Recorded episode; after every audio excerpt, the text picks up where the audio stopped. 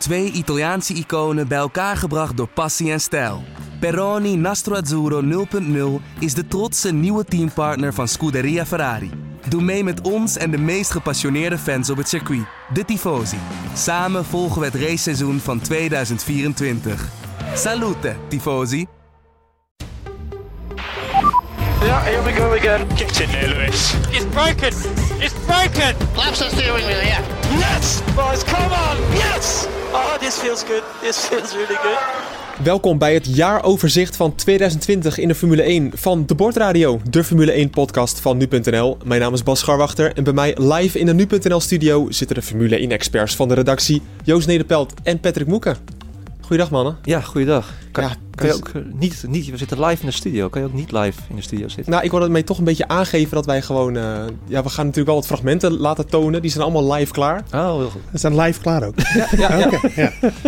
Live ga ik live. echt niet achteraf in de montage nog toevoegen. Nee, nee, nee. nee. Nee, dus dan weet je dat in ieder geval. De- Oh, dus hij staat er ook meteen na de opname, staat de podcast erop.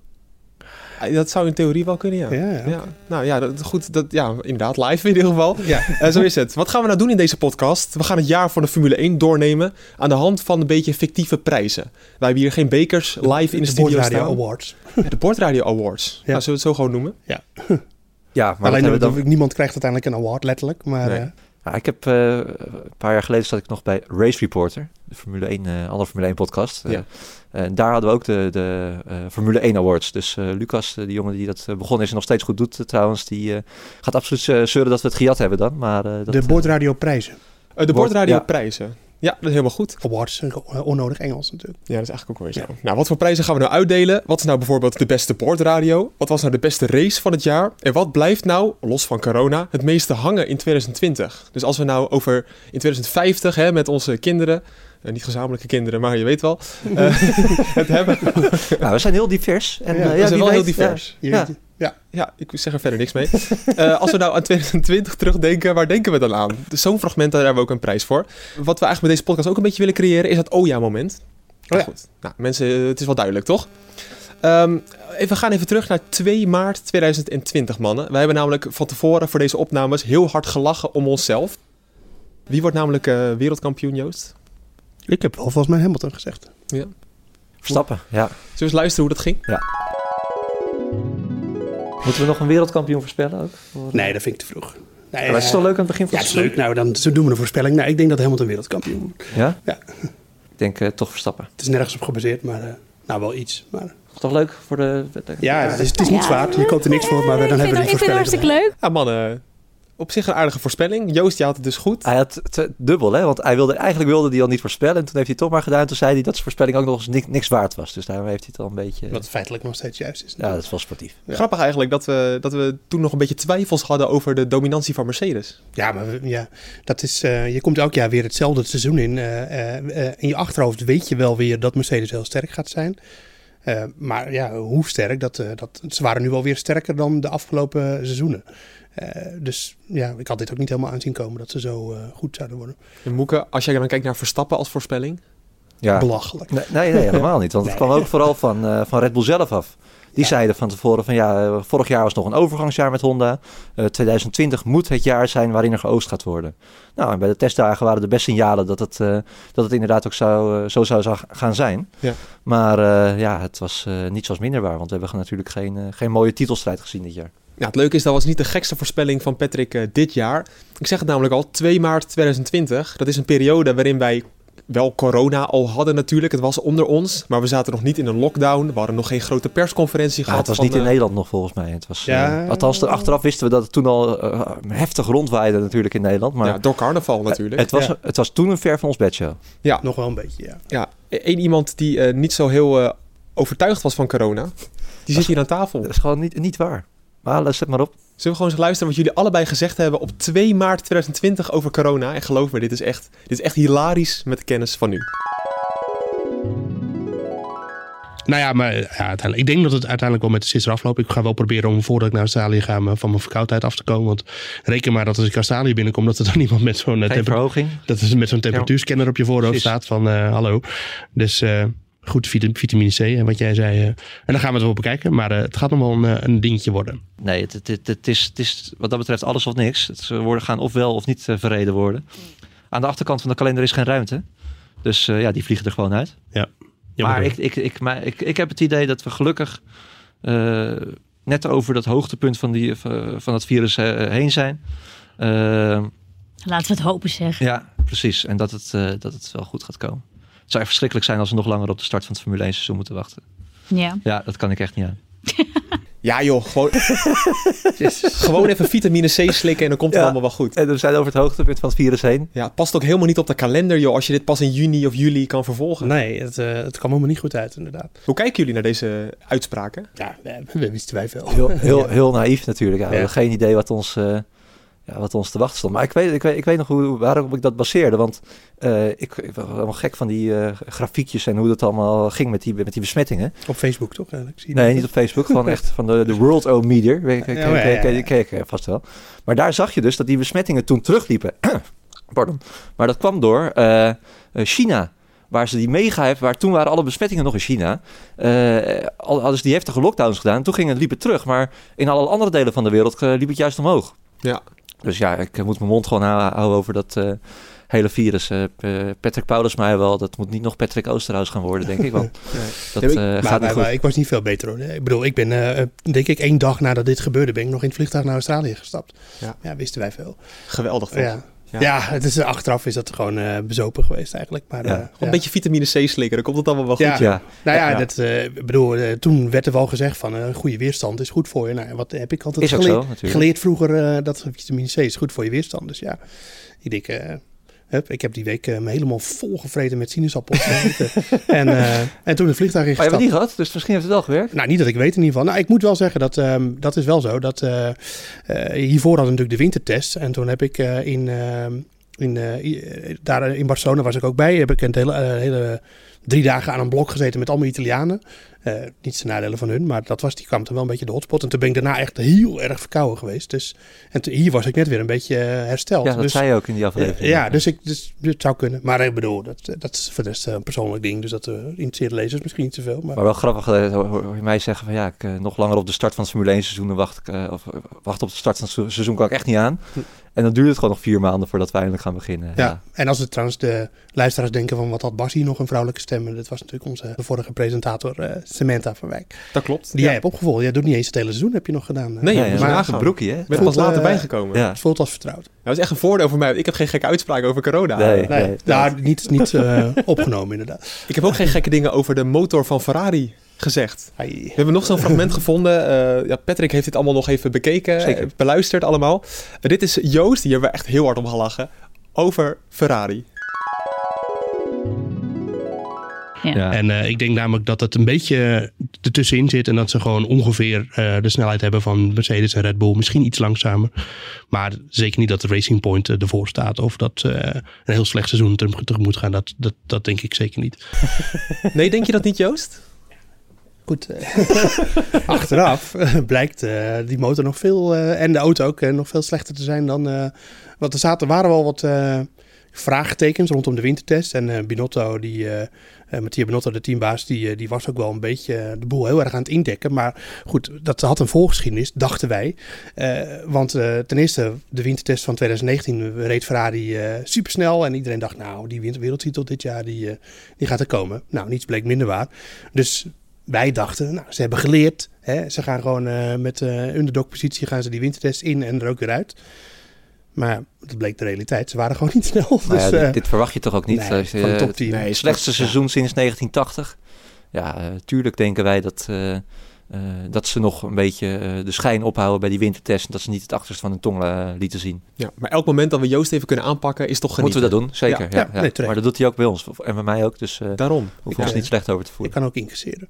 Ferrari zeker niet achter Racing Point. Ja, leuk. Ja, en eh, heel flauw, want ach, dat, dat, dat, dat dit zou gebeuren, dat wist natuurlijk helemaal niemand. Nee. Oké, laten we naar de prijs. Ja, ja, prijs toch? Geen award natuurlijk. Prijs De nummer prijs, 1 de gaan. Prijs, ja, ja, ja, ja. En dat is de prijs voor beste race van het jaar. We vallen meteen met de deur in huis. Ehm, ik heb een shortlist gemaakt. Ehm zullen we die even heel kort doorlopen? Ja. Eh, bijvoorbeeld Oostenrijk 1. Dat is de, ook wel een beetje een legendarische eh, race omdat het natuurlijk doorging überhaupt. Was Ja. ook de race waarin Verstappen uitviel na, al na elf rondjes. Eh, en hij lag echt op een kansrijke positie om die race te wonnen. Misschien had hij hem achteraf ook wel gewonnen. Het was ook de race waarin Albon en Hamilton tegen elkaar aankwamen. Wiens fout was het nou achteraf? Ik vond Hamilton, dat vind ik nog steeds. Oké. Ja. Ja. Albon had waarschijnlijk gewoon die race gewonnen. Hè? Ja, Goede kans, ja. ja. Ongelooflijk. Hij reed daar op de softs, terwijl eh, Bottas en Hamilton op eh, hardere banden reden. en oudere band. En oudere banden ook Ja. nog eens. Dus dat was echt geweldig. Eh, dat is onder andere een race. Silverstone 1 met de klapbanden van eh, Hamilton en Bottas weten we allemaal nog wel. Dan hebben we Monza met de overwinning van Gasly. Nou, gaan we ook nooit vergeten in ons leven. Dan hebben we Toscane slash Mugello. Mu- Mugello kennen we het vooral van. Ja. Twee keer een rode vlag. Chaos op eh, start-finish. Eh, dan hebben we Turkije. Spreekt eigenlijk voor zich. Regen, chaos, gladde baan. Eh, Bahrein 1. 2. Twee? Ja, de, de, de Sakir. Ja, Sakir. ja, ik wil eigenlijk... Sorry, ik zat even te denken. Wat is er met Bahrein 1 ook Oh alweer? ja, met de Grosjean Grosjean. natuurlijk. Natuurlijk met Oh, Grosjean. Ja, ja, ja. Ja, ja, ja. Ja, Het, stapelt, het, is zich zo, het heeft zich zo opgestapeld. Ja. ja. dat was er inderdaad misschien niet de mooiste race van het jaar. Alleen Nee. misschien wel de meest, een van de meest historische, omdat daar gewoon eh, door middel van alle regelgeving echt iets goeds is gegaan. Ja. En natuurlijk Sakir, waar vooral George Russell eh, de hoofdrol speelde. Wat een chaos was daar.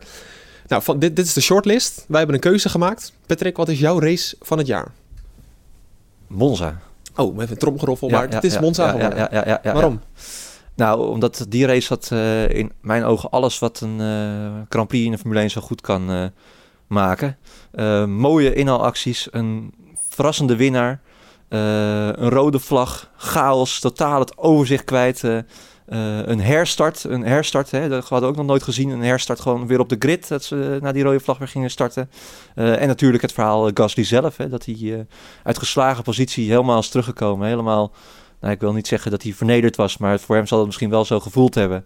Eh, en zich echt ontzettend goed herpakt en gewoon die race op zijn naam eh, geschreven. Ja. Ja. fantastisch. Echt een Grand Prix die ik eh, mijn leven lang niet meer ga, ga vergeten. Misschien wel een van de raarste, raarste podium in jaren. Ja, echt bizar. Gasly, je- Stroll en Sainz. ja, soms heb je dat hè, bij zo'n Grand Prix, dat je daarnaar zit te kijken en dat je zoiets hebt van, ja, wat, wat gebeurt hier weer? Een rode vlag en dan nog even een Leclerc die zijn auto keihard in de muur plaatst, eh, in de bandenstapel plaatst. Ja, het is eh ongelooflijk, die race had alles. Ook ongelooflijk hè, dat die crash van Leclerc misschien wel erger was dan Grosjean. En natuurlijk, je had... ehm, ja, snelheid. Ja, qua snelheid misschien wel, ja. Ja. Ja, zou ja, denk Ja. Misschien Hele stevige, ja. Ongelofelijke impact, maar ja, geen vangrail.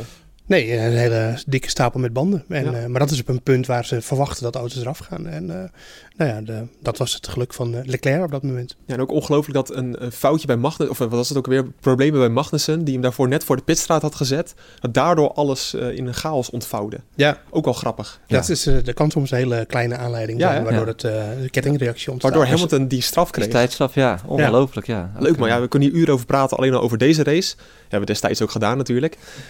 Joost, wat is jouw favoriete race van het jaar? De Grand Prix van Toscane. Waarom? Eh, nou, dat het, eh, het, eigenlijk heeft dat ook wat te maken met Monza. Ehm, nog los van het eh, de circuit Mugello is gewoon eh, heel erg leuk. En tof dat we daar een keer een Formule 1 race hadden. Ehm, als ik me niet vergis, was dat de eerste van de inval races die erbij zijn gekomen. denk het Ja. wel, Ja, ja. een van de, dus dat was vernieuwing. Ik ben altijd Klopt. vol vernieuwing. Ja. Ehm, maar het leukste was dus Monza, Patrick zegt het net, daar hadden we een rode vlag situatie, wat al vrij weinig voorkomt, met een, een herstart op de grid. En toen hadden we er in Mugello hadden we er ineens twee. Dus eh, nou ja, dat was eh, super speciaal. En, eh, en ja, het was voor de rest natuurlijk dus qua strijd de leiding niet heel bijzonder. Maar en Verstappen viel ook daar al uit. Dus wat dat betreft de, de mooiste race die we hebben uitgekozen, dat was niet per se omdat Verstappen daar nou zo goed opereerde.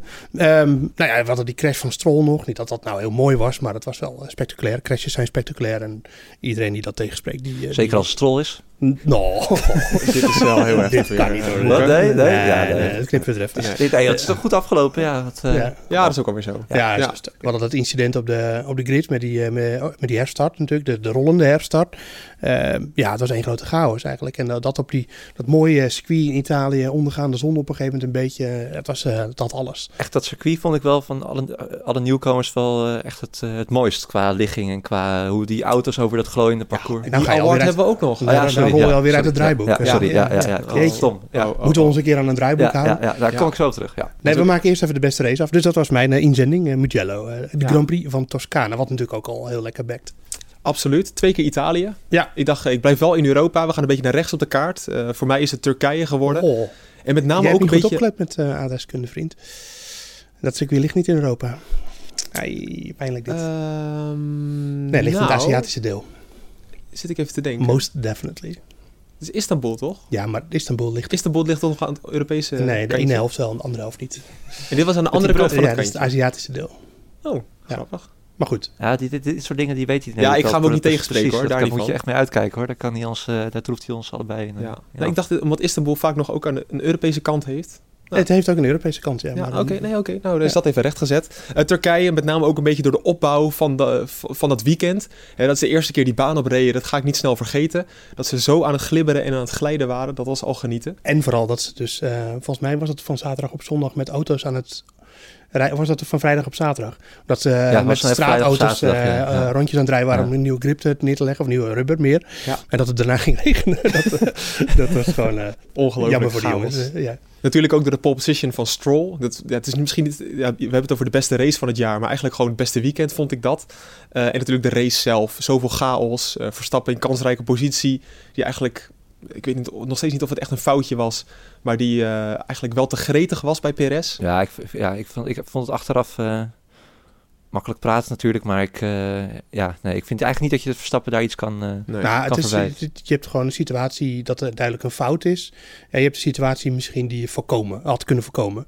En ik denk dat hij in de laatste categorie valt. Hij had het kunnen voorkomen. Ja. En ook nog mooi dat uiteindelijk Perez bijvoorbeeld op het podium stond. Leclerc die ging volgens mij tweede worden zelfs. En Ja. eindigde als vierde. ja, Ja, Vettel, zulke mooie verhalen. opleving, kleine opleving van Vettel. Ja, die reed een goede race. daar. Vettel, Ja. Vettel En werd derde natuurlijk-. En natuurlijk Hamilton die gewoon een geweldige race reed. Dat eh, moeten we ook niet vergeten. Oh ja.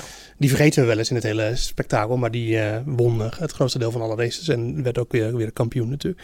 Absoluut. En die won ook deze race. Dus eh, die moeten we ook even benoemen daarin. Ja, nou dat was de beste race van het jaar. We gaan door met de beste boordradio's van 2020. Ik ehm, wilde een top 3 maken.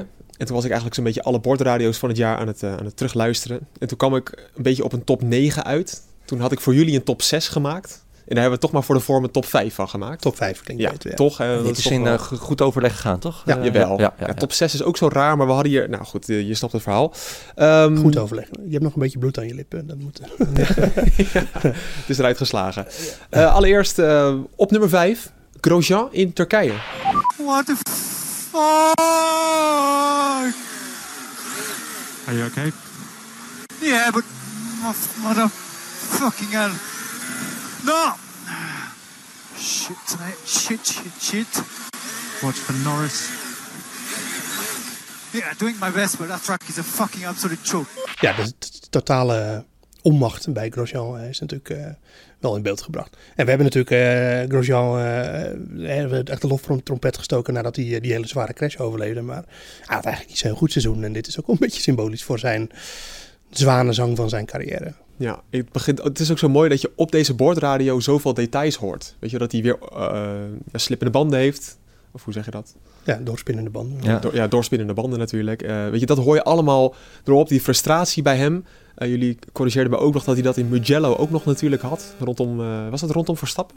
Ja, maar toen Ja. kon hij er niet zoveel aan doen. En toen was het eigenlijk best wel knap dat hij die auto nog uit de, Ja. uit de, nou, uit de greenbak wist te, te halen eigenlijk. Dat was ook, wel, was ook een hele mooie, maar die, eh, die was ook zo lang. Dus misschien te lang om in een, podcast, in een podcast te laten horen.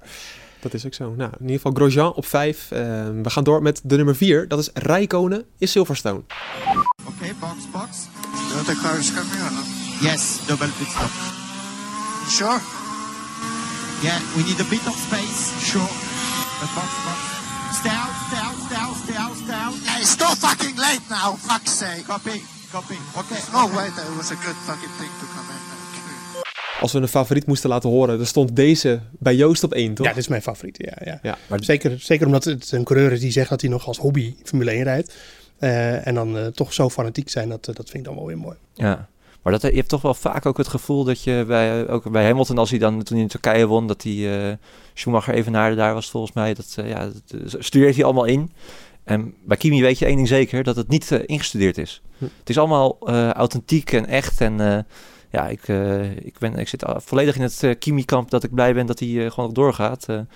Dit zijn characters die je in de Formule 1 wil blijven zien. Die ik in de Formule 1 wil blijven zien in ieder geval. Ik vind ook de, de nederigheid van zijn engineer. Met, oh, eh, sorry hoor. Ja, Ja, ja. Koppie, koppie, koppie, koppie. Ja, Ja. geweldig. Ja, je hebt ook nog een andere bordradio van Kimi in eh, Monza, is dat, met die rode vlag.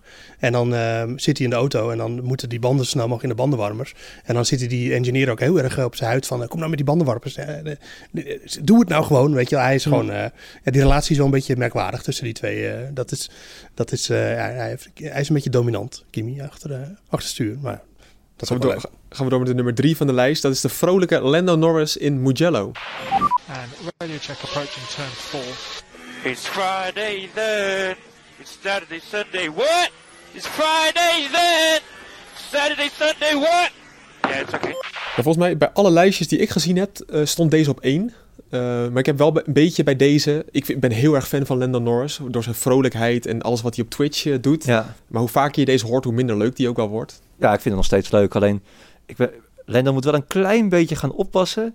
Eh, wat jij zegt, dat, dat, dat het alleen maar dat eh, gaat worden. Dat hij alleen nog maar de Lendo is van, eh, van de Twitch en van de gekkigheid en van de, eh, ja, van, van, van de idioterie, om het zo maar even te zeggen. Hm.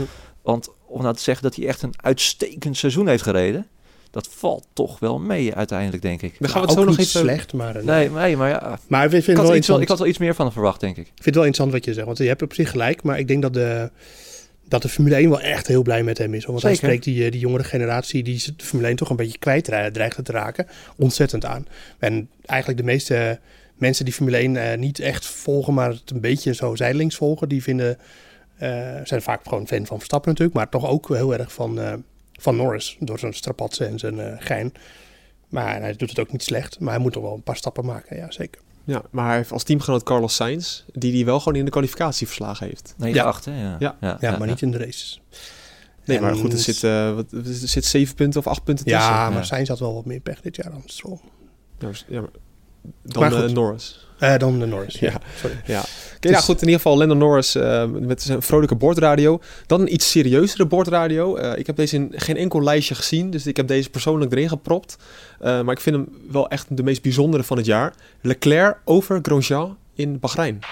Fuck, fuck, fuck, fuck, fuck. This, this was a big one. This was a big one. Is he okay? I will come back to you. Fuck. I've seen it in the mirrors. Who is it? It's Grosjean.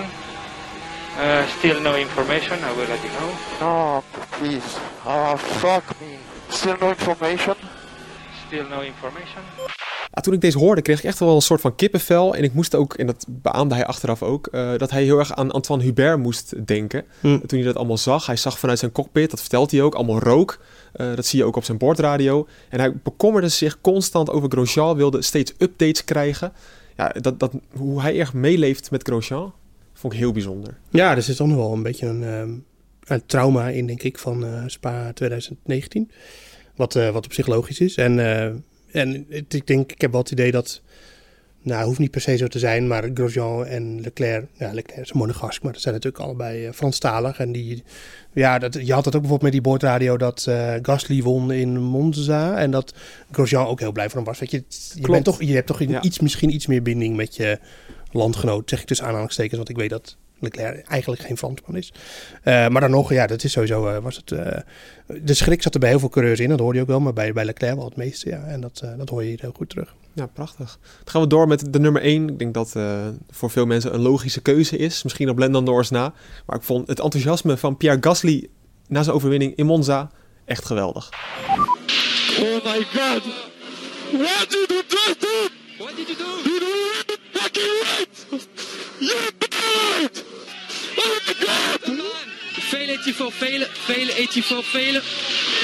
Oh my god, guys, we did it again! Oh my god, yes! P1 Pierre, P1.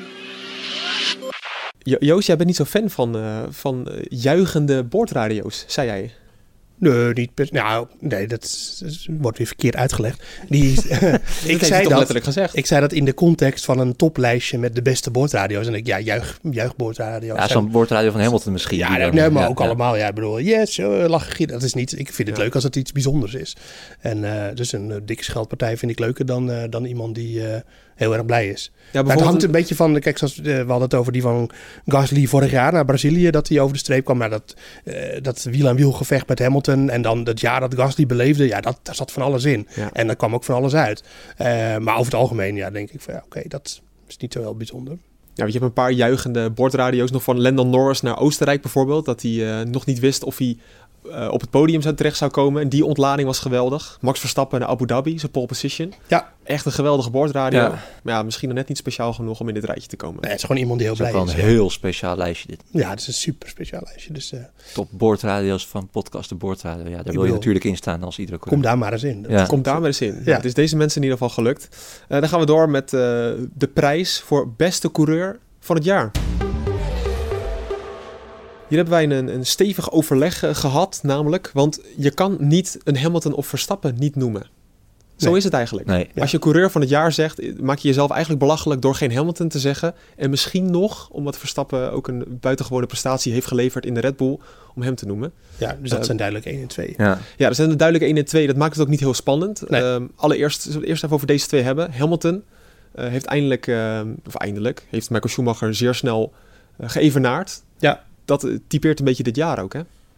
Nou, kijk, ehm, eh, het is nog steeds zo. Dat is, ehm, dat is wel opvallend, vind ik. Dat mensen heel gauw wel durven te twijfelen aan Hamilton. En eh, ja, als je, maar als je naar die cijfers kijkt, dan is daar gewoon geen enkele aanleiding voor. En ehm, ja, hij zit heel vaak in de beste auto. Dat is zo. eh, maar je moet het nog steeds afmaken. En de manier waarop hij heeft dat zo vaak op zo'n geniale, overtuigende manier afgemaakt. Dat er volgens mij geen reden is tot twijfel of hij eh absolute klasbak is. Dat is hij gewoon.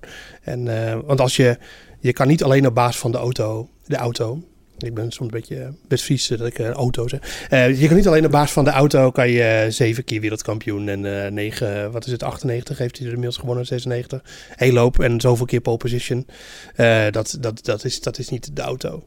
Dat is, dat is gewoon een eh, coureur die eh, excelleert. eh, Maar dat, dat eh, besef gaat later wel komen. Want Precies. Ik, ik weet nog, met het Schumacher-tijdperk ging het precies hetzelfde. was het niet anders. Nee. Echt, die Ferrari was toen zo goed. En eh, ja, de, die deed het. En Senna was toch veel beter dan Schumacher. En eh eh, ja, kan je nog steeds over discussiëren natuurlijk. Maar, Ja, maar dat, is, ook- nu helemaal verstomd. Dat is ook het, het eh, denk ik wel opvallend. Dat eh, Schumacher werd heel vaak vergeleken met Senna. Ja. En Hamilton wordt weer heel vaak, minder Schumacher. vaak met Senna, maar Ja. veel maar, meer met Schumacher vergeleken. Dus ja, je bent... je wordt altijd vergeleken met de laatste eh, geen- die bovenop de apenrot zat. En dat was natuurlijk gewoon heel lang Schumacher. En, eh, en eh, ja, dat, is, eh, dat is toch een beetje... eh, wie heeft het, de touwtjes echt in handen, hè, weet je wel. En, en dat is, voor Hamilton is dat nu al zo lang aan de gang... dat het eh, ja, onmiskenbaar de, de beste. Ik heb Maar, nog nooit ja. iemand horen zeggen, Verstappen is de nieuwe Schumacher. Nee. Nee, niet te bedenken. Terwijl hij, ik denk dat Verstappen wel juist meer lijkt op Schumacher dan op, eh, op Hamilton misschien. Omdat Verstappen toch ook wel echt eventjes soms eh, af en toe onder de gordel, eh, eh, heel spectaculair, soms over het randje.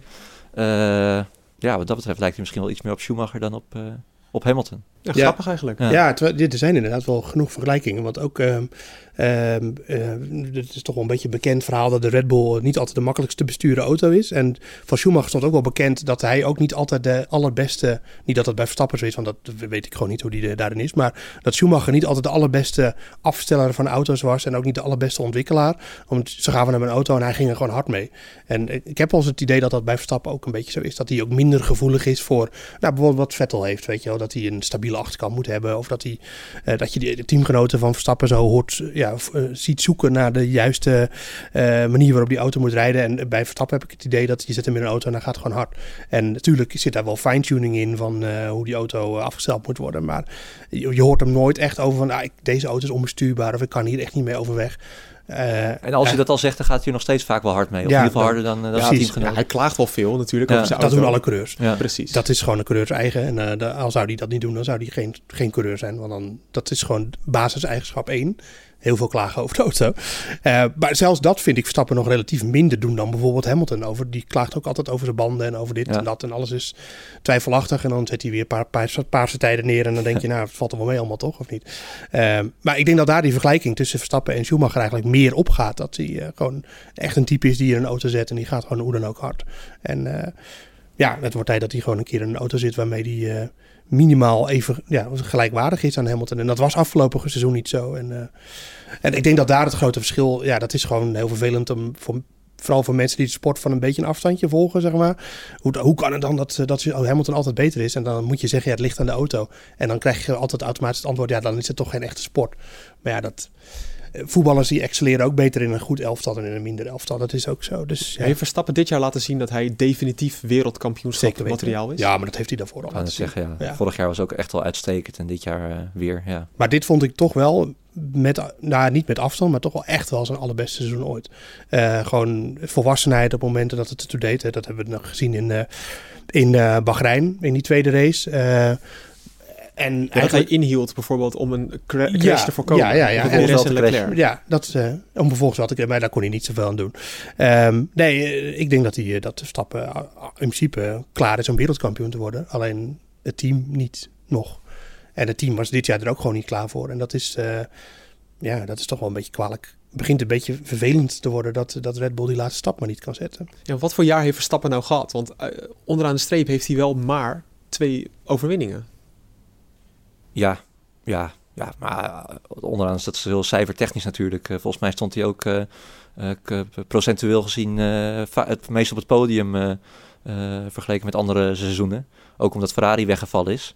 Maar eh, ja, wat, eh wat Joost zegt, ik heb hem eigenlijk op geen enkel foutje kunnen betrappen. Heel misschien nog eh, met, met Perez in, in Turkije. Maar dat wil ik ook niet echt een, een foutje noemen. Nee, zoveel was er gereden. De enige die Hamilton af en toe nog aan het wankelen heeft kunnen brengen. Vlak achter Bottas geëindigd in, in het kampioenschap. Terwijl die in een auto zat. Nou, die aantoonbaar zoveel sneller was dan die Red Bull. Ja, dat is gewoon echt een, een fenomenale prestatie van hem eh, geweest. En ook vier keer uitgevallen, Verstappen bijvoorbeeld. Ja. Ehm, dus dat speelt ook al mee. Drie keer Italië en eh, Oostenrijk bijvoorbeeld. Vergeet ik er vast nog eentje. Ja, Dat speelt ook al mee, hè, eigenlijk. ja en eh Sakir natuurlijk, die crash waar we het net Ja. over hadden. Oh, ja, Dus dat is ook Ja. veel meer dan Bottas. En eh, ik bedoel, al had hij, al, Bottas is ook twee keer uitgevallen volgens mij uit mijn hoofd. Twee of drie keer. Maar, ehm maar Verstappen vaker. En Als Verstappen die uitvalbeurt in Italië, Had hij die drie, gegrepen. dan was hij gewoon vol Bottas Ja. geëindigd. En eh, nou ja, goed, Bottas die, die wordt nooit meer meegenomen in lijstjes van best presterende coureur.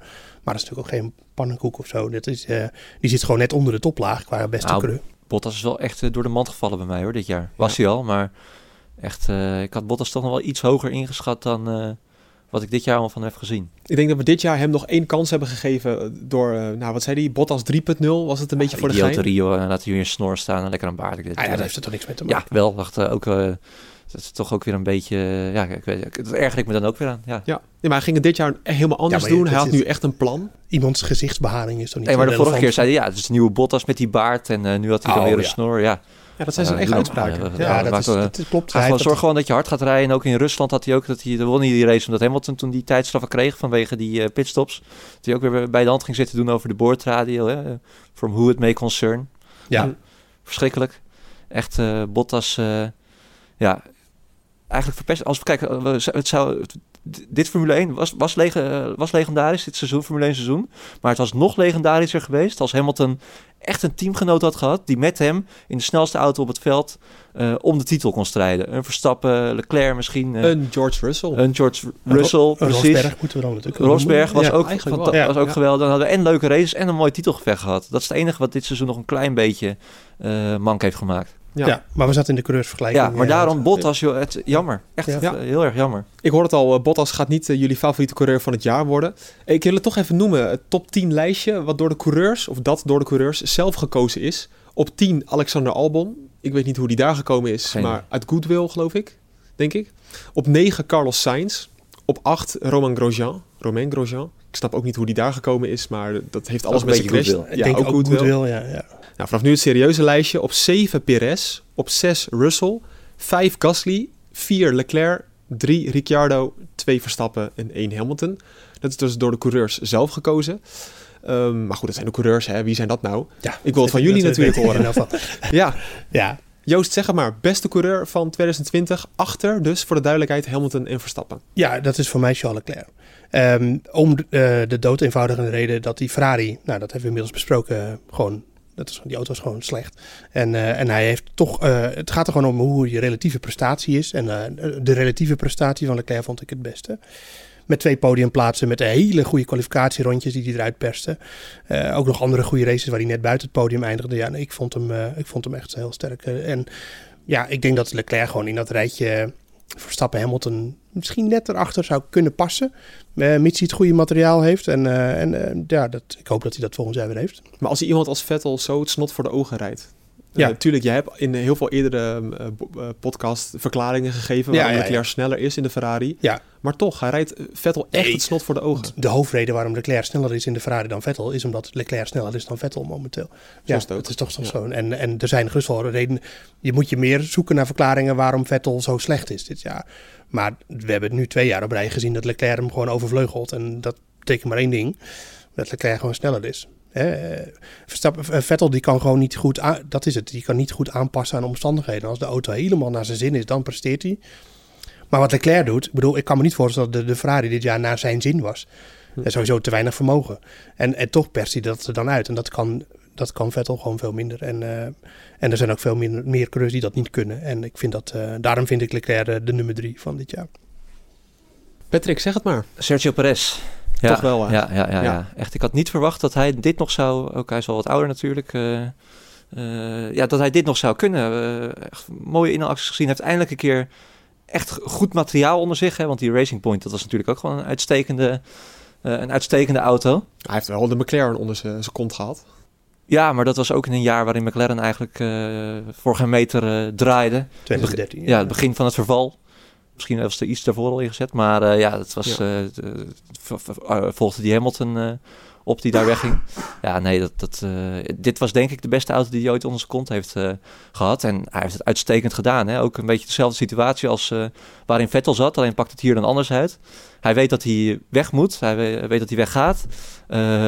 Niettemin rijdt hij gewoon Lance Stroll echt het, het snot voor zijn ogen. Is natuurlijk niet heel moeilijk, maar je moet het nog wel even doen. Hè? In, het, in een team waarin het vader, de vader van je teamgenoot eh, eh, de basis het voor het zeggen heeft. Ja, nee, Perez kwam echt eh, voor mij bovendrijven podia gepakt eh, waar het eigenlijk niet, eh, niet zou eh, moeten.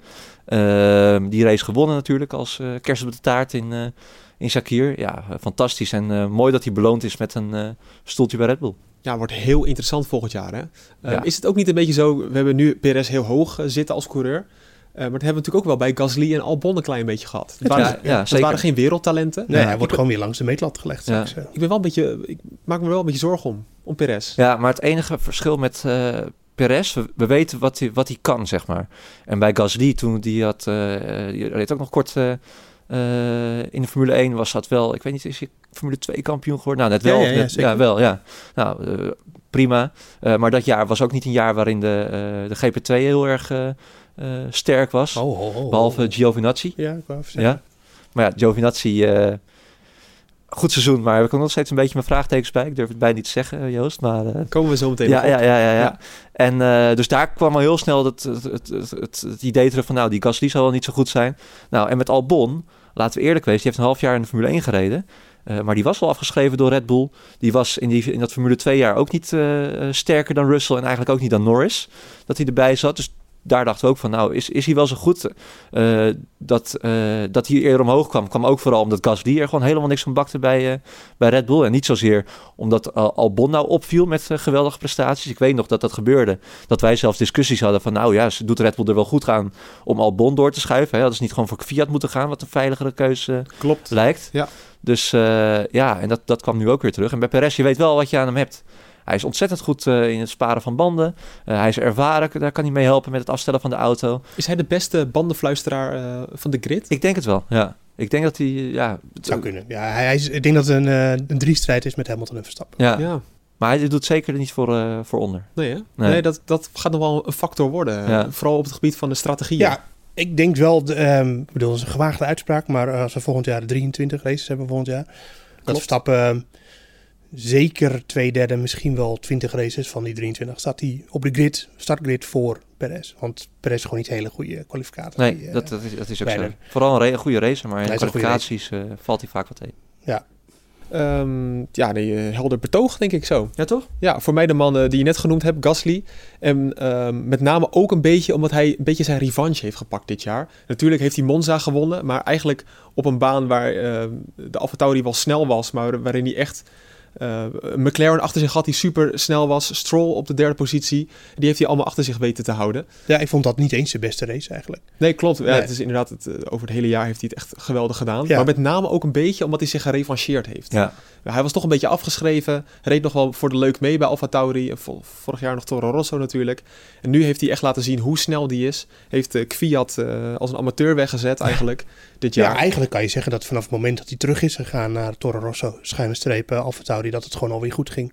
Ja. En ehm, ja, het zegt ook wel wat over Fiat misschien, wat, eh, dat, wat er in De potentie laatste misschien paar wel races was Kwiat wel weer opeens goed. Dat Ja, hij, maar eh, redelijk, ja, maar ja. niet heel goed. Hij wil Af- ook gewoon normaal afscheid nemen natuurlijk. Ja, nee, doe nog even races mijn best. En dan, Ja. ja. ja, nee, eh, Gasly is ook eh, zeker eh, terechte vermelding. Maar ook andere jongens hoor, want we, we willen Ricciardo zeker niet tekort doen, want die deed het ook gewoon heel erg goed dit seizoen. En eh Sainz, idem dito. Ehm, ja, er zijn meerdere namen die eh, hierin hadden gepast. Maar wij kozen voor deze drie. Ik heb nog een paar stellingen over een paar coureurs, zodat we die toch ook even genoemd hebben. Want ehm, inderdaad, bijvoorbeeld een Ricciardo, daar hebben we het niet over gehad. Ehm, en soms, ja, dan, we kunnen inderdaad elke naam wel noemen, maar als we iedereen zouden behandelen, dan eh, is het een podcast van vier uur. Ja. Eerste stelling over Ricciardo. Eh, Ricciardo is in de juiste auto wereldkampioen materiaal. Joost. Ja, dat hangt, dat is relatief. Ja, eh, ik bedoel, als hij eh, een betere auto heeft dan Verstappen en Hamilton, denk ik dan wel. Maar als hij gelijkwaardig materiaal heeft aan Verstappen en Hamilton eh, en misschien Leclerc, dat, ja, bij Verstappen hebben we het gezien, eh, was hij niet zo snel als Verstappen. Dus eh, Ik denk dat hij in deze Mercedes ook wereldkampioen was geworden. ja, dat zeker weten. Ja. Ja. Ja. Eh, stelling 2. Gasly reed dit jaar Red Bull waardig. Ja, ja. Ja, je, je, je kunt je afvragen wat nu de bedoeling is van Red Bull eigenlijk met Alfa Tauri. Is het echt nog een junior team of willen ze, ehm, willen ze dat gewoon als een soort van zusterteam ernaast hebben met een aparte uitstraling en het gaat om andere verkoop van andere dingen? Ik heb het idee dat ze het zelf ook gewoon niet zo goed weten. Nou, Of ze weten het wel, ja. maar eh, ja, het is, het, is, het is geen klassiek talententeam meer. eh, nee, dat, eh, Nee. dat, dat, dat, ja, dat zijn ze al een paar jaar niet meer. Misschien ook prima, toch? Zeker? Ja. Ja, ja, Ja. ja, ja. Ik bedoel, als je met de beste coureur ernaast kan zetten. Ja, Perez is dan een Maakt het ook goede, uit, ja. goede tweede. Belangrijk team voor de Formule 1 even goed. Ja. Russell hoort in een Mercedes. Zeker, ja. Ja, makkelijk. Ja. Heeft hij ook laten zien trouwens. Dus, eh, Er is geen discussie meer. Echt, Nee. als dat eh, in het belang van de sport moet, ja, zou Mercedes dat eigenlijk gewoon meteen moeten doen. Hm. Het is eh, ja, niet te verkopen dat Russell nog in die Williams rijdt. Stroll is niet zo slecht als we denken. Kijk ik naar jou, Patrick. Ja, eh, ehm, nee, niet waar. Hij is, wel, hij is wel echt heel slecht. Echt waar, nog steeds? Nee, nee, ja, nee, je hebt echt een nee. paar weken geleden Nee, nog hij- geroepen. oh, hij, is op zijn, hij is op zijn goede dag, is hij gewoon een, een prima coureur. Het is geen toeval meer eh, dat hij een aantal keer op het podium heeft gestaan. Het is ook geen toeval meer dat hij die eh pole pakte. Gewoon in, in bepaalde chaos kan hij boven komen drijven. En dat is echt heel gek. Het is een waanzinnige regenrijder. En Normaal ben je dan ook een heel goede coureur. Als je in de regen goed overweg kan, dan eh, ben je ook in het droog vaak heel goed. Hè? Alle grootheden der aarde. Schumacher, Senna, Hamilton, Verstappen. Echt topcoureurs zijn ook altijd in de regen heel goed. Stroll is ook heel goed in de regen. Maar als het eh, droog is, is hij wat minder. Heeft Verstappen gewoon verslagen in de regen. Hè? Ja, ongelooflijk. Ja. Ja. Ja, ja, Ja, dat moet ook even gezegd worden. Eh Sainz wordt een goede uitdager van Leclerc. Ja, zeker. Ik denk dat, eh, dat Ferrari best een goede keuze heeft gemaakt met Sainz. Of Sainz zelf een goede keuze heeft gemaakt. Dat is meer eh, een goede vraag.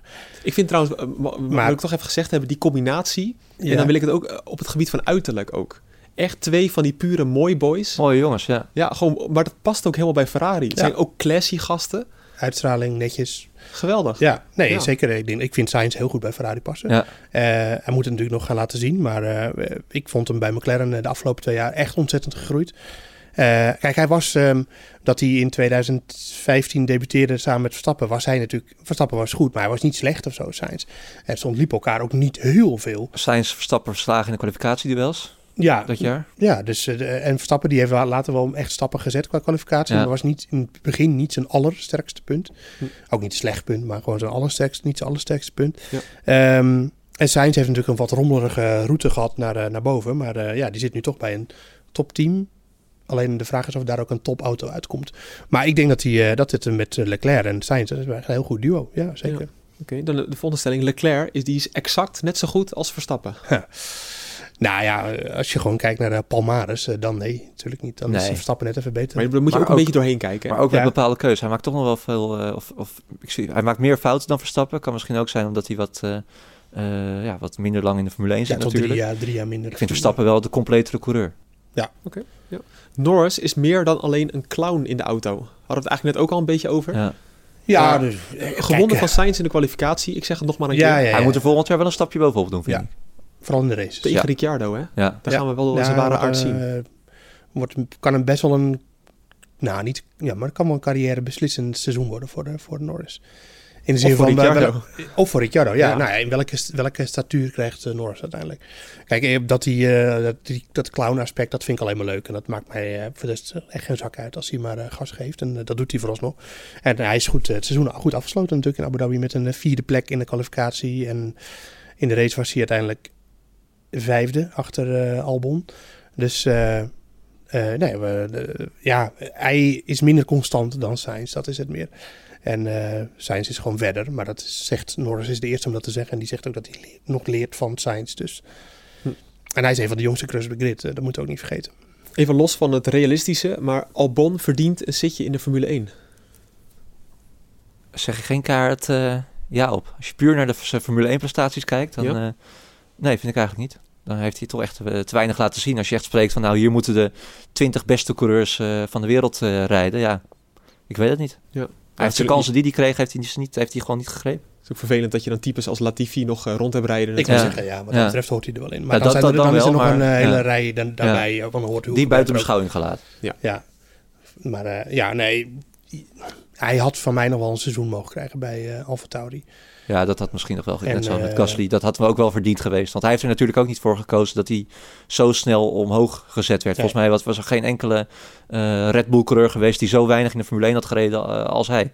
Ja. Dus eh, ja, hij had wel- nog wel de tijd mogen hebben, maar ja. Nee. Ik denk ook als hij bij Alfa Tauri had gereden, had hij een geweldig seizoen gehad. Ja, net dat als denk, Gasly. ik, dat denk ik ook. Ja. Ook omdat, puur omdat die auto gewoon veel makkelijker te besturen is. Zou kunnen, besturen ja. is. En eh, ja, ik denk dat dat wel eh, dat dat helemaal niet onrealistisch is om, eh, om te zeggen. Nee, zeker niet. Nog twee te gaan. De eerste, Giovinazzi wordt zwaar onderschat. Joost? Nou, ehm, kijk, dat moet ik even genuanceerd. Kijk, voordat het begint te, te praten, begint Patrick al te lachen. Eh, ik denk dat, het, eh, dat hij een heel klein beetje onderschat wordt. Hij eh heel klein beetje. En dat mag toch? ja, maar hij begint al meteen te lachen. Ja. Nou, eh, we, we slaan het onderwerp al over. Dat is niet normaal te behandelen. Ja, ga door, ga door. Ga door. Ik, eh, zit aandachtig te luisteren. Nee. Ja, nee, vertel. Nee, ja, goed. eh, hij is niet zo slecht als mensen denken. En hij is ook niet heel goed. Maar dat eh, zeg ik elke keer. Ik probeer daar een zo genuanceerd mogelijk antwoord over te geven. Nee hoor, Joost, ik zit je een beetje te gek. Ja, weet ik toch. Dat ik, eh, maar dan nog. Nou, laten we snel doorgaan dan. Ja. Nee, nee, wacht. Ik wil ook wat. Oh, eh, ja, nee, ik, ik zei al voor de uitzending. Ja, Giovinazzi heeft eigenlijk eh, gewoon een prima seizoen gedraaid. Ja, ik help me even. Maar het, eh, Tegen Rijkonen ook, het, viel, het viel mij alles mee. Het enige is, eh, eh, ik vraag me ook wel af hoe goed Kimi nog is. Want toen Ja. hij wegging bij Ferrari werd hij wel eh zoekgereden door Vettel natuurlijk. Al eh, was geen, eh, stond geen maat op. Hij zal zeker niet beter geworden zijn sinds die tijd. Nee. Dus eh, ja. Nou, dat is het. nee, ik, ik denk dat Giovinazzi de hangt, hangt er een beetje tegenaan. Van, hij is zeker geen toptalent. Eh, hij is gewoon eh, op, op zich kan hij door ervaring en door dat op te bouwen gewoon een goede Formule 1 rijder worden. Maar hij zal nooit in het rijtje van de namen waar we het net allemaal over gehad hebben genoemd worden. Nee. En eh, daar is hij ook. Hij is ook best wel oud al. Hij is al 26. Hij is van dezelfde leeftijd als Sainz, als ik me niet vergis. En ja, die is toch wel een stuk verder. Die, zit in het, die gaat nu rijden in het stoeltje waar Giovinazzi eigenlijk in had moeten zitten. Didn't happen. Dus eh, nee, die, die hangt er gewoon een beetje aan. Tot slot, Ocon wordt zwaar onderschat. Of eh, sorry, overschat. Nou, ik vind dat Ocon wel een beetje een teleurstellend eh, seizoen heeft afgewerkt. Ik had meer van hem verwacht. Ja. Ja. Maar toch, als we kijken naar Ricciardo in zijn eerste jaar bij Renault, had hij het ook moeilijk, hè? Ja, dus daarom, eh, we, we geven hem nog een kans. Hij had een jaar niet gereden natuurlijk. dus Misschien dat dat helpt. Maar eh, Zeker, dat helpt zeker niet. Hij werd voorafgaand aan het, eh, aan het seizoen toch op hetzelfde... Of althans, er waren mensen die zeiden dat hij eh, van het talent van eh, Leclerc en eh, eh, Verstappen was. Ja, dat dacht ik ook. Want ook in de Mercedes-stal... eh, of er werd ook wel geroepen hè, van... Nou, ze moeten gewoon Ocon in die Mercedes zetten. En eh, ja, die geluiden zijn natuurlijk... Al zou die nog bij Mercedes onder contract staan... Die zijn eh, helemaal verdwenen. Ja, reed ook natuurlijk bij Force India om daarna die stap te maken naar Mercedes, Ja. denk ik. Maar Ja. ook in dat jaar, dat vond ik, en dat heb ik gelukkig ook in een eerdere podcast al gezegd, eh, ook dat hij naast, eh, eh, dat hij bij Force India zat. Het was niet zo dat hij daar eh Perez helemaal op een hoopje reed. En dat had hij misschien toch moeten doen als hij echt het top, top talent was. eh, al- als dat hij eh, zelf dacht te zijn. Ja, zijn pech is een beetje dat hij eh, in 2014 uit mijn hoofd Formule 3 kampioen werd voor Max Verstappen. Ja. En dat wij daarom allemaal misschien wel denken dat het een mega talent is. Maar ja, de kaarten zijn toch iets anders geschud daarna. Dus eh, Gaan we door met de, de volgende prijs. Een stom woord eigenlijk. Ik wil gewoon weer award noemen. Ja. Eh, dat is het moment van het jaar. Ja, ook hier hebben we even een, eh, een slordige shortlist gemaakt. Maar ik weet zeker dat we nog duizend dingen vergeten zijn. Je mag altijd mailen via podcast.nu.nl met sukkels. Hoe kon je dat vergeten? ik, ik, echt, ik accepteer het. Mag ook zonder sukkels. Mag ook zonder sukkels. Nou, ik vind Ja. het altijd wel leuk als mensen gewoon een beetje kritisch zijn. Ja. Ehm, ik noem er gewoon een paar op. Grosjean, natuurlijk, zijn crash. Ja. Eh, Hamilton en Bottas die lek rijden in Silverstone. Ja. Geweldig. Eh. Verstappen in de muur. Voorafgaand had ik dat dus eh, gezegd. Toen dachten we nog, waar heb je het in godsnaam over? Eh Patrick en ik zijn erachter gekomen. In Hongarije. Ja. Oh ja. Ja. Verstappen in de muur. Ja, Ja, ja, ik, ja. ik had alleen dat Wat opgeschreven. moment. Jezus, ja. wat is er een hoop gebeurd dit, eh, dit, dit, deze, dit seizoen. Ongelooflijk eigenlijk. Ik had een beetje met een knipoog de crash van Leclerc in Monza. Omdat dat zo be- bepalend was voor die race. Ja. Eh, dan de pole position van Stroll. Eh, dit was ik ook bijna vergeten. Hulkenberg. Ja. Ja. Ja, dat was gewoon geweldig ook. Ook Ja, omdat het Stroll was. Ja. Ja. Dan Hulkenberg op P3 in Silverstone. Kwalificatie, ja. In de kwalificatie. Komt even in die auto eh gedag zeggen en rijdt meteen naar P3 voor Verstappen. Dat is ook bijna volgens mij een van de weinige keren dat Verstappen niet in de top 3 eindigde. Was dat niet de Ja, enige? de enige keer volgens mij. Ja. Ja. Maar was dat... eh, nee, dat was niet de eerste keer in die auto. Dat was Nee, de was wel de tweede keer. Ja, ja. Dat- Maar de eerste kwalificatie had hij natuurlijk niet gereden door die problemen. En, eh, en de race ook niet. Of uh, had de kwalificatie al gereden, maar de race niet. Oh, de race niet. Ging inderdaad. niet van start. Oh ja. Ja. Dan moet je nagaan. Dat allemaal weer vergeten. Ja. Hamilton tikt Albon van de baan in Oostenrijk. Zeker, ja. Ik had het al gezegd. Ja, maar dat, dat is voor mij een totaal frustrerend moment. Omdat ik voorafgaand aan die race had voorspeld dat Albon ging winnen. En toen werd ik hard uitgelachen. Dan Russell. Ja, ja. belachelijk. Eh, Russell haalt eh, Bottas in. Iconisch in Sakir. Ja, ondanks eh, bandenvoordeel en weet ik wat allemaal. Je valt in bij Mercedes en je rijdt gewoon een van de twee vaste coureurs. eh, haal je op een moeilijk punt in. Vond Maar als je dit zo opnoemt, wat een geweldig seizoen is. Geweldig. geweest. Daar hebben we zo de- nog verder. Ja, Tot slot nog even Perez wint de race. Norris eh, pakt P3 met de snelste ronde. En, eh, oh, dat was hem eigenlijk al. Ja, vooral ook Perez wint de race. Joost, jij zei nog trouwens van... mensen he- hechten niet heel veel waarde aan die zegen. Nou, Of eh, hoe zeg je dat? Nou, omdat ook om dat eh, ik mag eens even. eh, ik denk dat het ook vooral komt omdat het al zo, zo'n gek seizoen was, is geweest. Als dit Ja. aan het begin van het jaar was geweest, nog voor Gasly bijvoorbeeld, dan had iedereen al meteen gezegd: wow, hoe kan dit? En iemand van buiten de grote drie. Maar omdat Ferrari zo eh, slecht was, wat we nu al helemaal normaal zijn gaan vinden, wat natuurlijk nog steeds niet normaal is, eh, vonden we die zegen van Perez ook een beetje normaal. Ja. Wat natuurlijk ook niet normaal is. Het is op zich niet heel vreemd dat de derde auto van het veld eh een race wint. Dat is op zich niet zo heel raar als het misgaat bij, de, bij de, de jongens die ervoor zitten. Ja. Dus eh, ja, hij was minder eh, bijzonder dan, eh, dan Gasly. Het verhaal was er niet minder mooi op. Want op dat moment dachten wij allemaal nog dat Perez natuurlijk ja, een van, nou, in zijn slotfase van zijn seizoen of van zijn carrière zat. En ja, dat is natuurlijk wel zo. En dat is met Gasly natuurlijk ook zo. Er kwam wel een flinke dosis geluk bij kijken. En, en dat maakt het. Ja, dat maakt het net iets minder mooi dan wanneer je echt op, op helemaal op eigen kracht eh, zo'n Grand Prix wint. Ik denk dat dat maakt het voor mij net altijd even minder, eh, minder eh, spectaculair. Ja, maar het was toch ook. je hebt ook wel geluk nodig natuurlijk. Maar hij, Ja. reed, hij reed laatste in de, na de eerste ronde. Nee, het was een fantastische ja. prestatie, maar zonder die. ehm, eh, was het eigenlijk ook weer? Jezus, wat er zoveel gebeurde. Was het een safety car? Of, Ja, ja. ja. Van alles. Ja. Dat, dat hij, eh, ja, dat, eh, en dat Russell natuurlijk die verkeerde banden kreeg. Ja. En, en maar die de lekke safety band. kwam toch ook door hemzelf of niet? Nee, de safety Ja, de car eerste. kwam. eh, de eerste. Drie weken geleden dit. Ja, dat nee, de, eerste, de eerste, bij die start bedoel je. Ja, maar daarna... ja, nee, maar die, er was daarna nog een safety car, maar die was om. Waar was die ook? Oh ja, om eh Aitken. Die, eh, Oh, tuurlijk. Ja, Ja, ja, ja, ja, ja. in En de auto van Russell. in de auto van Russell notabene. Ja. En daarna was natuurlijk nog die lekke band bij Russell. Ja. ja.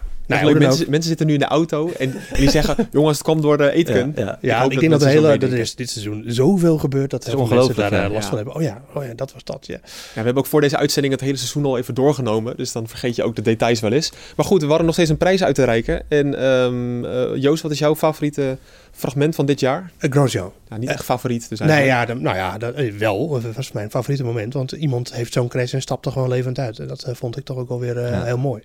Dus eh, ja, dat was mijn moment van het jaar. ik denk dat het verdere uitleg daar eh, overbodig is. Ja, wat, wat, vond je er nou zo bijzonder aan? Waarom gaan we dit nooit vergeten? Nou, het was een van de hardste crashes, denk ik, die ik in mijn eh, Formule 1 volgeloopbaan heb gezien. Eh, en eh, en eh, ik, ja, bedoel, we, we wisten natuurlijk niet hoe het met Grosjean was, maar ik hield er serieus rekening mee dat hij het niet na kon vertellen. En hij stapte er gewoon uit. Ik moet, het moment is wel, dat is altijd zo, het moment zelf van de crash viel wel mee. Maar het is natuurlijk later ingevuld door alle beelden die je er nog over eh, te zien krijgt. En vooral dat beeld, eh, het beeld, dat, die, eh, dat je dat brandende wrak ziet en dat hij er opeens uitstapt. Echt een crash die we gewoon nooit voor mogelijk hadden gehouden. Nee, precies. Ja, iconisch. Formule 1 beeld. niet alleen van 2020, maar gewoon überhaupt. Ja, oh, gelijk een tweede prijs. Het shot van het jaar ook. Ja. Het Ja. beeld van het Echt, jaar. leek wel een film. Ja, Ja. dat is echt ongelooflijk. Ongelooflijk. Ja. Ja. Het is net alsof de stunt, het stuntteam van die A-team dat dat zo had bedacht. En, eh, want Ja. het, het zag er zo, het zag er zo Ja. raar uit dat het bijna nep leek. Dat Ja. was eigenlijk... eh, ja, maar voordat we alle complotdenkers weer op aan het denken zetten. Rustig, Patrick. Mijn mond. Ja, nee, ook props, of hoe noem je dat, complimenten aan de regie, dat ze het ook hebben durven laten zien. Ja. er was veel kritiek op, onder andere van Ricciardo. Maar ik ben wel gewoon blij dat ze dit hebben durven laten zien. Ja, maar zijn kritiek was niet zozeer op dat, het, dat ze het lieten zien, maar dat ze het Vaak. heel vaak. vaak lieten zien. Ja. En daar kan ik me wel in weer een heel klein beetje in vinden vanuit het coureursperspectief. Maar ik had het vanuit de Formule 1 ook logisch gevonden als ze dit nooit hadden getoond. Ja, nou, is het is wat ook, met- uiteindelijk hoe je het ook went of verkeerd, het is wel weer goede reclame voor de Formule 1 gewoon. Ja. Ja, dat Die is beelden gaan de wereld over. En eh, kijk, er zijn, het zijn ook twee verschillende dingen. Hè? Want je hebt de FOM, je hebt de Formule 1. Eh, die willen gewoon Formule 1 in de markt zetten. Die, die Hm. zitten te twitteren. eh. en je hebt de FIA natuurlijk. Die zijn gebaat bij de veiligheid van de coureurs. En, eh, dus ja ik, Ja. begreep het ook wel dat het zo in de markt Ja. gezet werd. Ja. Dat is ook weer zo. Patrick, wat is jouw moment van het jaar? Ja, ik heb er nog even over na zitten denken. En ik ga toch voor de pol van Stroll. Oh, toch wel. Ik heb Ja. hier op een lijstje iets anders staan, maar Ja. heel goed. Ja, nee. Nee, mijn vader was die ochtend natuurlijk... Ik heb het al een keer eerder verteld, maar mijn vader was die ochtend eh, overleden. Tuurlijk.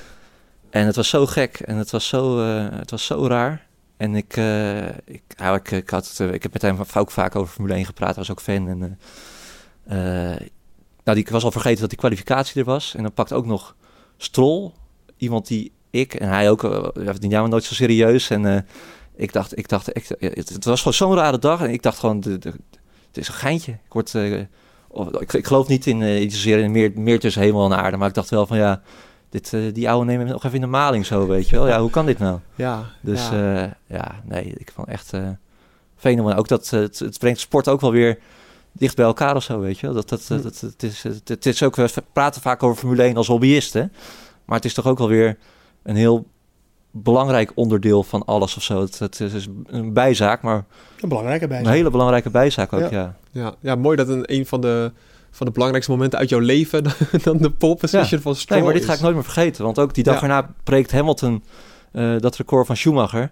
Ja, waar was jij? Of wat eh, deed jij dat weekend? Ja, ik zat eh, tijdens die race zat ik een, een kist uit te zoeken letterlijk. Ik heb die hele race gemist. Ja, Ja, Ja, dat vergeet je gewoon niet meer. nee. ja. Ongelooflijk, ja. Ja, Ja. ja. Dan gaan we, je had op het lijstje had je dan Verstappen in ja de muur klopt. in Maar ik zat erover na te denken. Dat is ook, eh, dit moet het moment gewoon eh, Ja, zijn. dan. ja, totaal niet relevant dan in, Ja. ver- in vergelijking met dit. Nee, nee, nee. Maar ook juist dus, wat ik zeg, ook wel weer mooi of zo. Dat het toch weer dicht bij elkaar komt. En eh, Ja. het maakt die sport ook wel weer...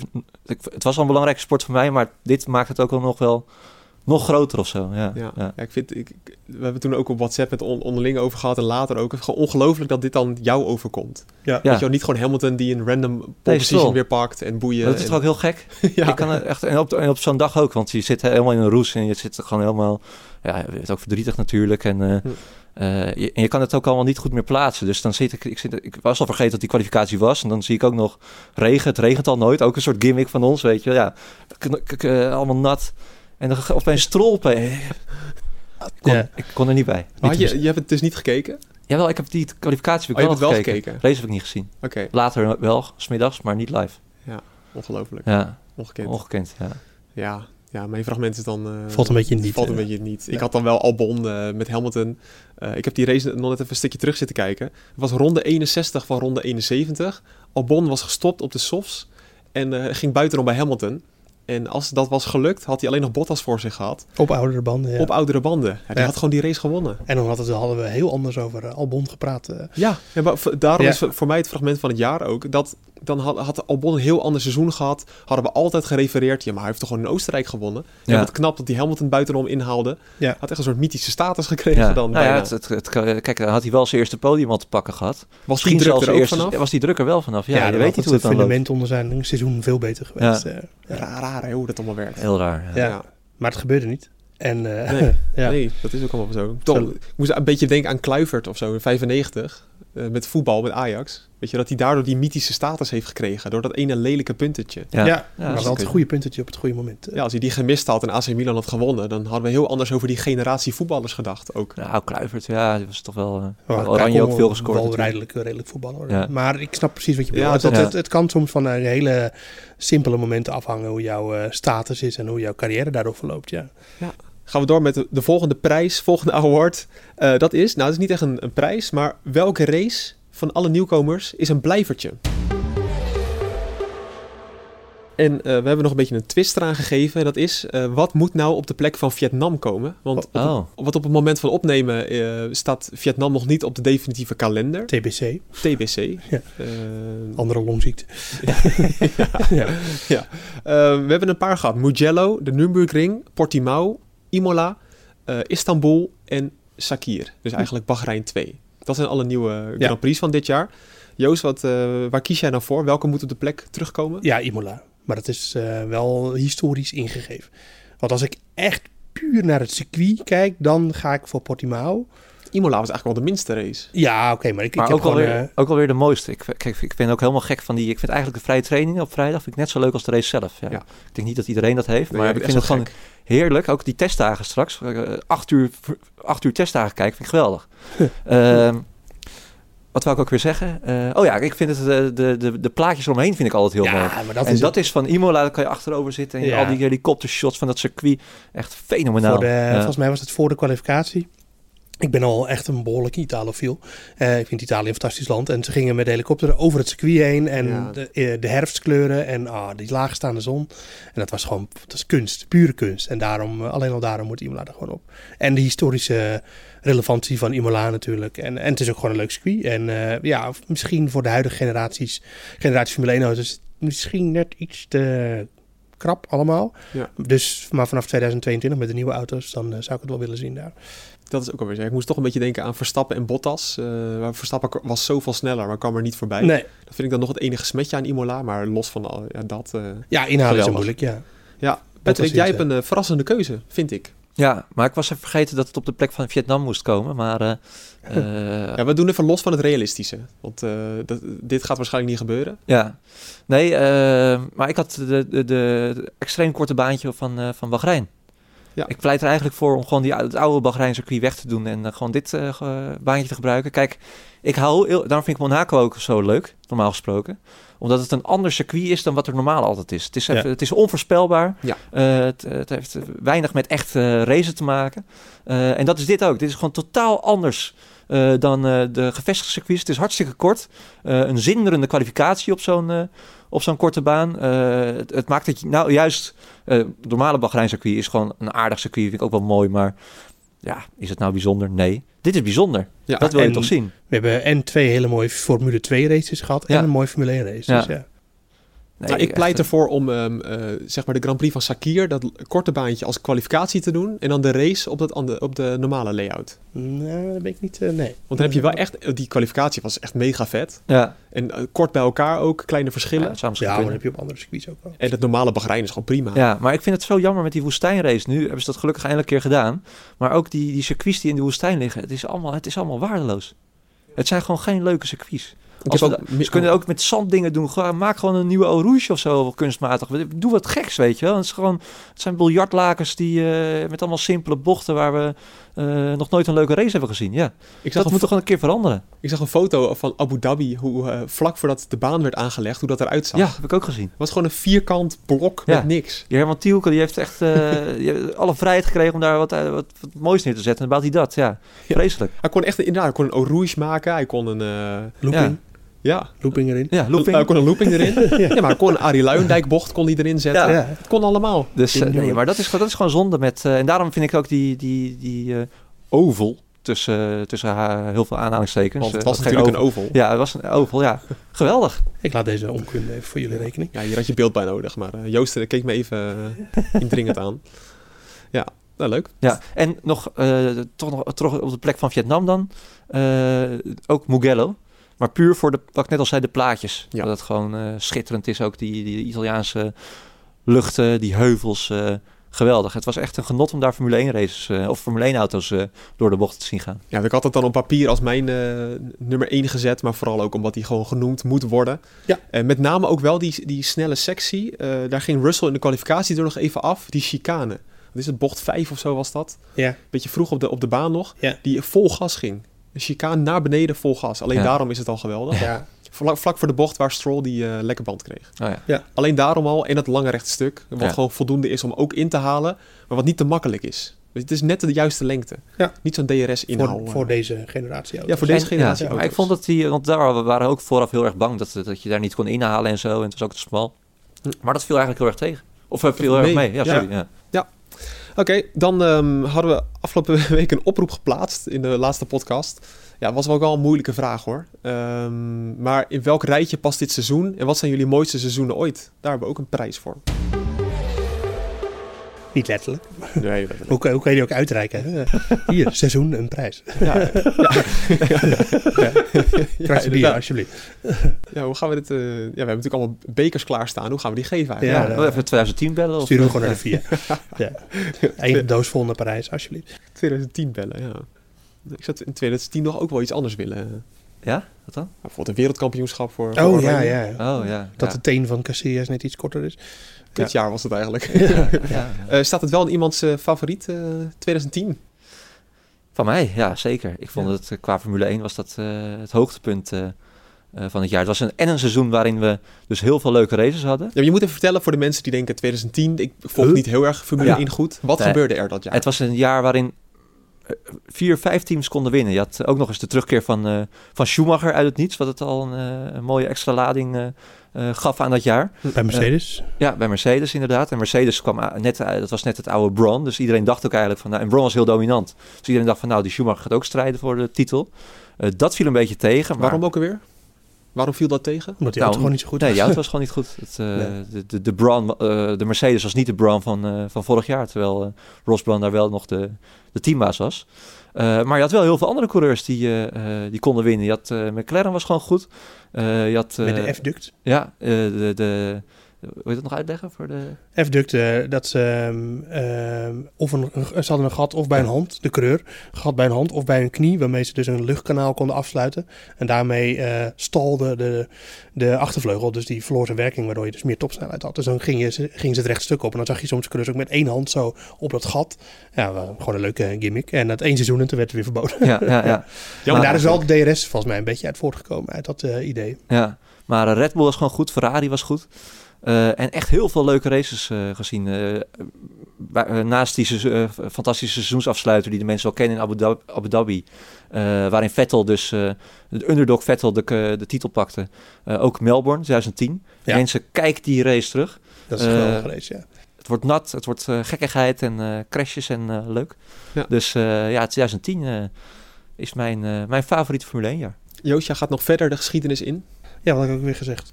Oh ja, eh, 1999. 1999, ja, Ja, dat was ook eh, een mooi jaar. ook heel eh, mooi ja, jaar. ja, ja, ja. Ja, dat was het eh, seizoen dat eh Michael Schumacher zijn been brak. Ja, dat was geweldig. Nee, eh, Michael Schumacher die, eh, was teruggekeerd naar Ferrari om... eh, of niet teruggekeerd, die was naar Ferrari gegaan om wereldkampioen te worden. Dat lukte in eh 96, 97 en 98 niet. Eh, McLaren was vrij dominant. In 99 had Ferrari een auto die redelijk mee kon met, eh, met de McLaren. Mika Hakkinen, vooral in de McLaren. En eh, dat hele team draaide om Schumacher. En Eddie Irvine zat erbij als soort van... eh, clown. Eh, en eh notabene de eerste race, wie wint? Twee McLaren's vallen uit. Schumacher viel ook uit die race, als ik me niet vergis. Of had in ieder geval problemen, moest ook achteraan starten. Wie won de race? Eddie Irvine, zijn allereerste Grand Prix die hij won in de Ferrari. Ehm, en dat seizoen het een beetje voort en McLaren nam het voortouw. Schumacher won wel twee races uit mijn hoofd. Alleen toen in Silverstone, toen brak Schumacher zijn been in... Ik denk, een van, was het de eerste ronde? Het was in ieder geval in Stowe, naar het lange rechtstuk, Hanger Straight. En hij ging eh, zonder remmen de bandstapels in en brak zijn been. Dus wie was toen in ene de eerste coureur bij Ferrari? Eddie Irvine. Eh, en Mika Salo kwam erbij als eh, vervanger. Nou, niemand had verwachtingen van Irvine, maar hij ging wel wedstrijden winnen opeens. Dat was, en hij had natuurlijk die eerste race al gewonnen, dus hij had al wat Ook punten. omdat die Ferrari was gewoon echt wel goed. Die Ferrari was gewoon heel erg goed. vergeleken met, met, ehm, met de McLaren. Kon, kon aardig meekomen. Eh Hakkinen vergooide toen nog zijn zegen in Monza. Dat hij zat te huilen in de bosjes. Eh, Eh, eh, wat ook wat me heel erg bij staat is dat... Uh, Heinz, Heinz Harald Frensen kwam nog eens op. Heinz Harald Frensen in de Jordan. De Jordan E, E99 is een van mijn favoriete Formule 1 auto's. qua uiterlijk. Um, en wat ik ook heel mooi vond en tekenend eigenlijk... was de macht van Schumacher, zonder dat hij er was. Was dat de Grand Prix van Duitsland dat jaar. Uh, Mercedes was natuurlijk eigenlijk McLaren Mercedes. Mercedes was eigenlijk meer een thuisrace. Schumacher was niet bij. Iedereen dacht, nou die Duitsers die zijn wel op de hand van het door Mercedes aangedreven team. Uh, no way. Is waar. Iedereen was voor Ferrari en Irvine won die race. En, uh, en Mika Salo reed toen ook heel erg goed. Ja, het was een geweldig seizoen. En, uh, en, en Irvine die was uiteindelijk gewoon te slecht om Hakkinen te verslaan. ook omdat Schumacher nog terugkwam en die ging Irvine helpen. Maar toen bleek al dat Schumacher eigenlijk zoveel beter was dan Irvine. en, en dat toen bleek, die pol, toch? In, ja, in Maleisië. Ja, was geweldig. En Schumacher die had dat seizoen lachend kampioen geworden in die auto. Maar ja, liep even anders. Mooi, een soort college Geschiedeniscollege. Ja. ja, dat seizoen heb ik heel intens beleefd. En uh, daarom is die... Uh, en 2010 was een goede tweede voor mij. Ja. Maar, uh, ja, dan misschien wel een soort top 3. Ik ga toch 2020 namelijk zeggen. Dat komt Mooi. ook een beetje nou, door werk, waardoor ik het nog intensiever heb gevolgd. Ik ben al een groot Formule 1 fan, maar ik moet eerlijk zeggen, 1999 heb ik niet helemaal mijn netvlies staan. Zo eerlijk is dat gewoon. Wat was jij toen ook weer? Ik was vier. Ja, daarom. Dat ja, dus uh, zeker. vergeven. Ja, als je, als je het zegt, zijn het echt wel van die oh ja momenten. Maar ik ben op historisch gebied niet heel sterk in de Formule 1. Nee. Hoor je ook wel eens als je de podcast vaker luistert. ja. Uh, maar daar zijn jullie voor natuurlijk. Valt er mee hoor. Niet, Schumacher was dus een Duitser. Die, uh, die, was heel goed. Okay. nee, is een rode auto, toch? Ja, ja, ja. ja. ik zeg ook heel vaak ja, maar dan bluff ik gewoon hoor. dat is echt mijn sterke kant. Uh, nee, ik zeg toch 2020 en met name ook een beetje door corona uh, het verhaal ook er een beetje omheen. Maar ik heb vlak voor deze uitzending alle samenvattingen van alle races zitten kijken. En al die oh ja momentjes, weet je wel. En natuurlijk, dat zal je vast in 2013 ook hebben, weet je wel. Misschien nou, toch minder hoor. Echt wel, ja, echt, ja, echt wel minder. Nee, dat klopt wel. Ja. En, maar ook alle circuits die erbij zijn gekomen. Weet je wel, ik vind het ook atypisch Formule 1 dat dit gebeurd is. Dat ze gewoon de ballen hebben om die circuits erop te gooien. En dit is wat alle fans wilden hebben. En ook alle krankzinnigheid rondom het Turkije, uh, rondom het Mugello. Ja, dat was echt geweldig. Ja, en, wat wel tekenend was uh, hierin, uh, dat is wel leuk om een keer. wij hebben een oud collega, die werkt in Den Haag altijd voor ons, Lucas Benschop. Hm. Is ook groot Formule 1 liefhebber. Die luistert misschien ook deze podcast wel terug. Politiek verslaggever. Ja, en die, ehm, ik weet, dat is een beetje nare, daar had ik misschien op moeten zoeken. Maar die zei op een gegeven moment dat, dat wij te snel spraken over een knotsgekke race dat we het woord knotsgek uh, te snel hadden gebruikt bij een Grand Prix. Ik, dacht dat het Hongarije was, maar ik weet niet zeker. En, uh, nee, was, ik weet het ook nog, was, was Monza. Maar daar was hij juist wel op zijn plek. Oh, dat was Monza. Ja. Nee, ja, dat was Monza. Daar vond hij dat van. Dat, dat, dat, maar daarna kwamen er nog zoveel races die ook heel erg knotsgek waren. Dat we ook al een paar keer het gewoon letterlijk knotsgek hebben genoemd. Ook op Twitter extra om het een beetje in te duwen. Dat het gewoon uh, dat het, uh, wel op zijn plaats was. En het was uiteindelijk ook gewoon een knotsgek seizoen. en dat, uh, Mugello had je ook nog natuurlijk. Mugello, Turkije, Sakir, ja dat... Ja, maar ook zo'n Hongarije bijvoorbeeld. Dat Verstappen dan in die muur gaat en dat hij... ja. Dat, die, ja. dat is eigenlijk ook... Maar dat, was, dat was... Ja, bro, ik was het ook allemaal vergeten. Ja. Dat, ja. dat, hij, dat hij gewoon crashte in de, op weg naar de grid, ja. Maar dat is normaal, zou dat uh, het moment van het jaar zijn, onbetwist. Ja. Hamilton, die met drie wielen de Grand Prix van uh, Groot-Brittannië wint. Ja. Het moment van het jaar, ja. Nee hoor, gewoon uh, Stond nog zoveel andere dingen, ja. ja. is, Hongarije stond niet op de shortlist. Nee, maar dit is, we hebben zoveel leuke mensen die dit jaar begonnen zijn met Formule 1 kijken, die, die zijn hartstikke verwend, ben ik bang. Want zo, zoveel leuke races als dat we dit jaar gezien hebben, gaan, vol, gaan we de komende jaren denk ik niet meer krijgen. Nee. Maar mag ik nog één runner-up voor, uh, dat is dan mijn persoonlijke moment van het jaar. Dat was... Uh, Wat was je vorige moment dan? Dat was uh, Grosjean, hadden we. Was die persoonlijk? Ja, ja. Nou ja, dat, was. Nee, maar persoonlijk, maar voor mijn persoonlijke beleving. ja, en daar zit jij ook in. Um, dat was dat wij... Uh, ik was natuurlijk naar Australië geweest. Uh, nou, dat hebben we de vorige keer al over gehad. En dat was uh, een deceptie, kunnen we wel zeggen.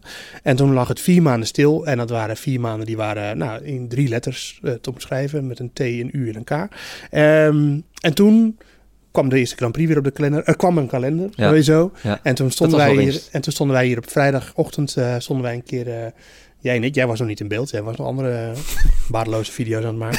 Nee, Was ik niet gewoon regisseur van een show? Dat is geen grapje natuurlijk. Oh, nee, jij was uh, regisseur. Was ja, jij was regisseur. Oh, ik was wel altijd achter de schermen. Ja, ja, ja, toen op een gegeven moment hebben we jou ervoor getrokken. Um, ja. uh, en toen, uh, toen vrijdagochtend een eerste vrije training van Oostenrijk 1. En toen ging dat Formule 1 muziekje te, te, te, te, hier over de redactie. En Patrick en ik hadden allebei kippenvel. Gewoon vier maanden geen Formule 1 gehad.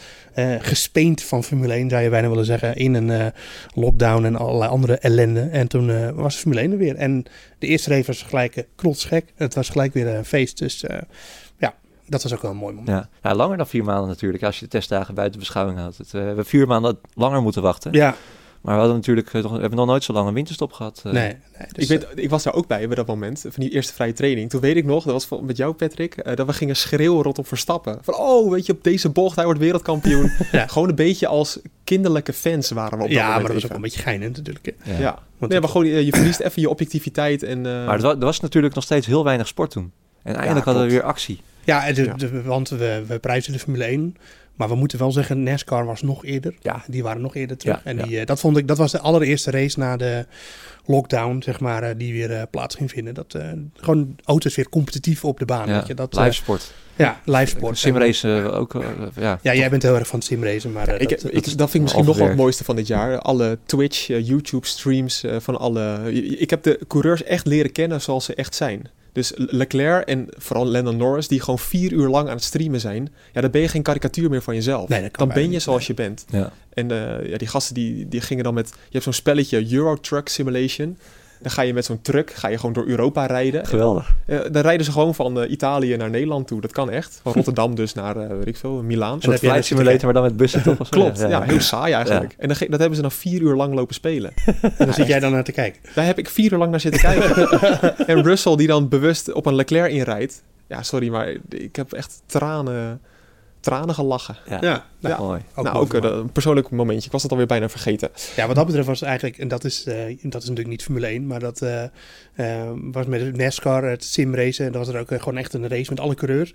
En dat Danny Hamlin, de coureur, thuis zat en dat zijn dochter met de afstandsbediening het zijn scherm uitdeed. Dat ook Uitgevallen, ja, mijn dochter deed het scherm uit. Ja, dat waren andere tijden toch wel. Er was toch ook een coureur die was racistisch. En die heeft toen zijn sponsoren voor Ja, Kyle Larson. Ja. Ja. Larsen, ja. Ja, maar die komt eh, dit seizoen wel weer terug. Oh. Vergeten vergeven.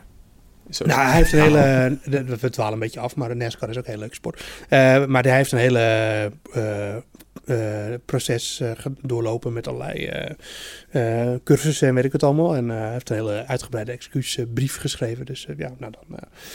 en die rijdt komend jaar bij Hendrick Motorsport. Er heeft ook iemand bij de Formule E-race. Hoe heet die gozer nou? Daniel Abt. Ja, Daniel Abt. Die had, Die had een, vals gespeeld. Ja, Was officiële zijn contract kwijtgeraakt. Ja, Ja, een professionele simcoureur had hij ingezet, toch? Eh, Ja. ja. Maar eh, hij reed toch voor een heel goed team? Eh, Abt die reed voor Audi. Ja. Voor Audi, ja, Ja, precies. En is hij gewoon ontslagen omdat hij heeft vals gespeeld bij het online gamen. Ja. Maar sowieso botst dat af en toe wel. Want ik gelo- geloof ook nog dat Lando Norris... die ging toen meedoen met een IndyCar eh, race. Met virtuele Indy 500. En toen werd je weer van de baan geramd door... eh eh Pagino. Pagino, Ja, ja. ja. Ja, ja. En toen viel ook ieder... Kijk, want dat zijn zo'n Pagino is waarschijnlijk een type... Ja, die speelt nooit. die is heeft al iets ouder. Een beetje geinen, weet je. ja, wel, die denkt, het dat jochie van de baan Maar. Norris was echt ge- gewoon... Gewoon was boos. Ja. En, oh, maar met hem ook al, al zijn fans... die ook al dat simraces zo serieus nemen. En Dus ik. was een soort echt eh, k- clash tussen verschillende culturen. Ja. Ja. Ja, ja, ik ging echt met hooivorken de straat op. ja, wat Pagino daar deed, dat, die reed gewoon bewust Lennon Norris van de baan... Ja. terwijl Ja. hij hem een ronde ging inhalen. Ja. En vanuit de beleving van Pagino, die denkt, we zitten hier een spelletje te doen. En Ja, ja. denkt van, hè, Wat maar, krijgen we eh, nou? Ja. en, topsport. eh, ja, topsport, ja. Nou ja, goed. Maar ik moet wel zeggen dat ik wel blij ben dat, het, eh, dat we nu in ieder geval wel nog naar sport kunnen kijken tijdens deze lockdown. Dat eh, maakt het toch wel iets ja, draaglijker. het voetballen gaat gewoon door. Ja. Nou, daar hebben we het zo meteen nog even over, hoe we de winter doorkomen. Tot slot om dit blokje nog even af te ronden. Eh, komt dit seizoen 2020, komt dit nou in een top 10, een top 5 of een top 3? Of top 1? Voor mij top, top drie, zeker. Het enige wat, eh, dat heb ik net ook voor, vooraf gezegd, maar het enige wat, eh, wat ik gemist heb is gewoon een titelstrijd. Als we er ook nog eens een leuke titelstrijd hadden gehad, dan was dit het beste seizoen ooit. Dat Ja, denk ik ook. Zonder ja. twijfel. Ja, dat is eh, voor mij de reden waarom hij toch niet in de top 3 staat. Omdat je, als je een echt een titelstrijd hebt, dan ga je echt van race tot race kijken naar... Nou ja, een beetje smachten naar de volgende race bijna. En nu was er gewoon elke keer weer een race. Dat was het eigenlijk. Maar het is niet zo dat je daar... eh, Ja. ja. ik weet niet. En je keek toevallig op zondag en opeens werd het heel vet. Zo ook een beetje. Ja, dus we, we hadden minder verwachtingen. En als er echt een titelstrijd is, dan weet je eigenlijk Ja. wel... eh, als je twee aan elkaar gewaagde teams en coureurs hebt, dan weet je dat het eigenlijk altijd wel spannend wordt. Dus eh, wat dat betreft, ja, het seizoenen met een eh keiharde titelstrijd, die gaan dan toch net voor, voor mij. Mooi.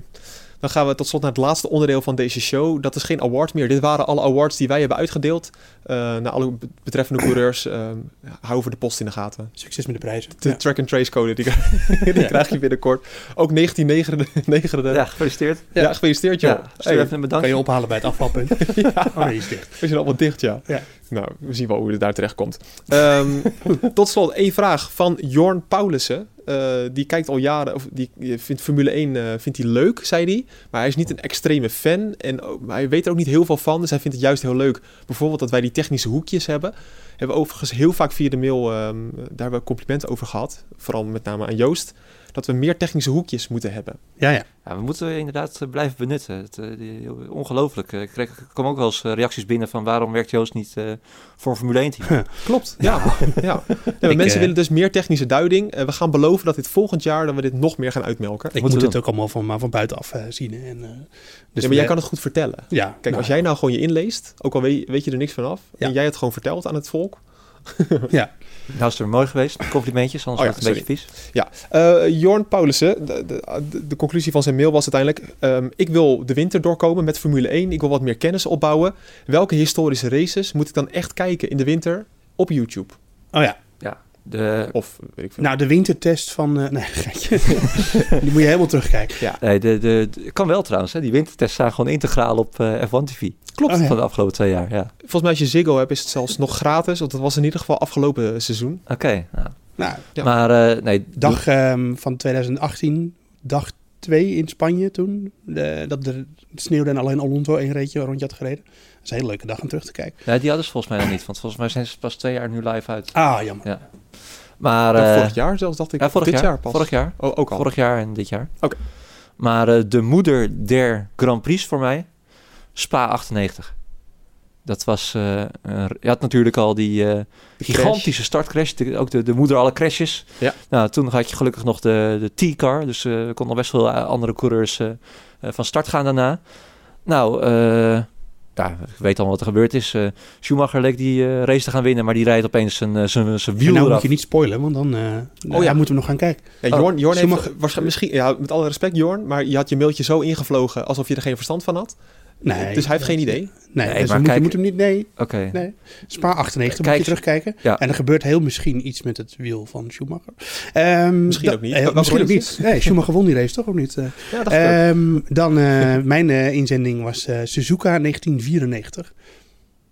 Regenrace ook. ja, re- ja, precies. Ja, wat moeten we er nu eigenlijk over zeggen? Nou, eh, je ik, moet de eh, mensen enthousiasmeren. nou ja, Waarom zou je dat voor de lol aanzetten? ik was groot Jean Alesi fan en Jean Alesi eh, reed een hele goede race in de Ferrari. Hij won misschien ook wel, misschien ook niet. niet. Ehm Nigel Mansell reed die race nog mee in, eh, in een Williams, een van zijn weinige races van 1994.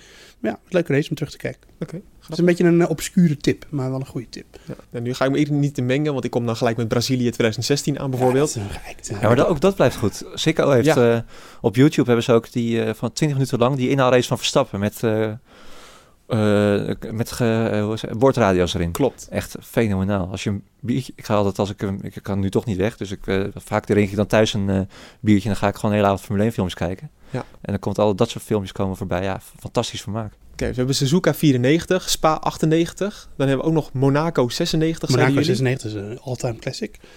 Dus eh, volgens mij wel de race met de minste aantal eh gefinishte auto's. Zeker letterlijk die over de streep zijn gekomen. Vier toch uiteindelijk? Nou moet je hem niet spoilen. Oh, Spoil nou.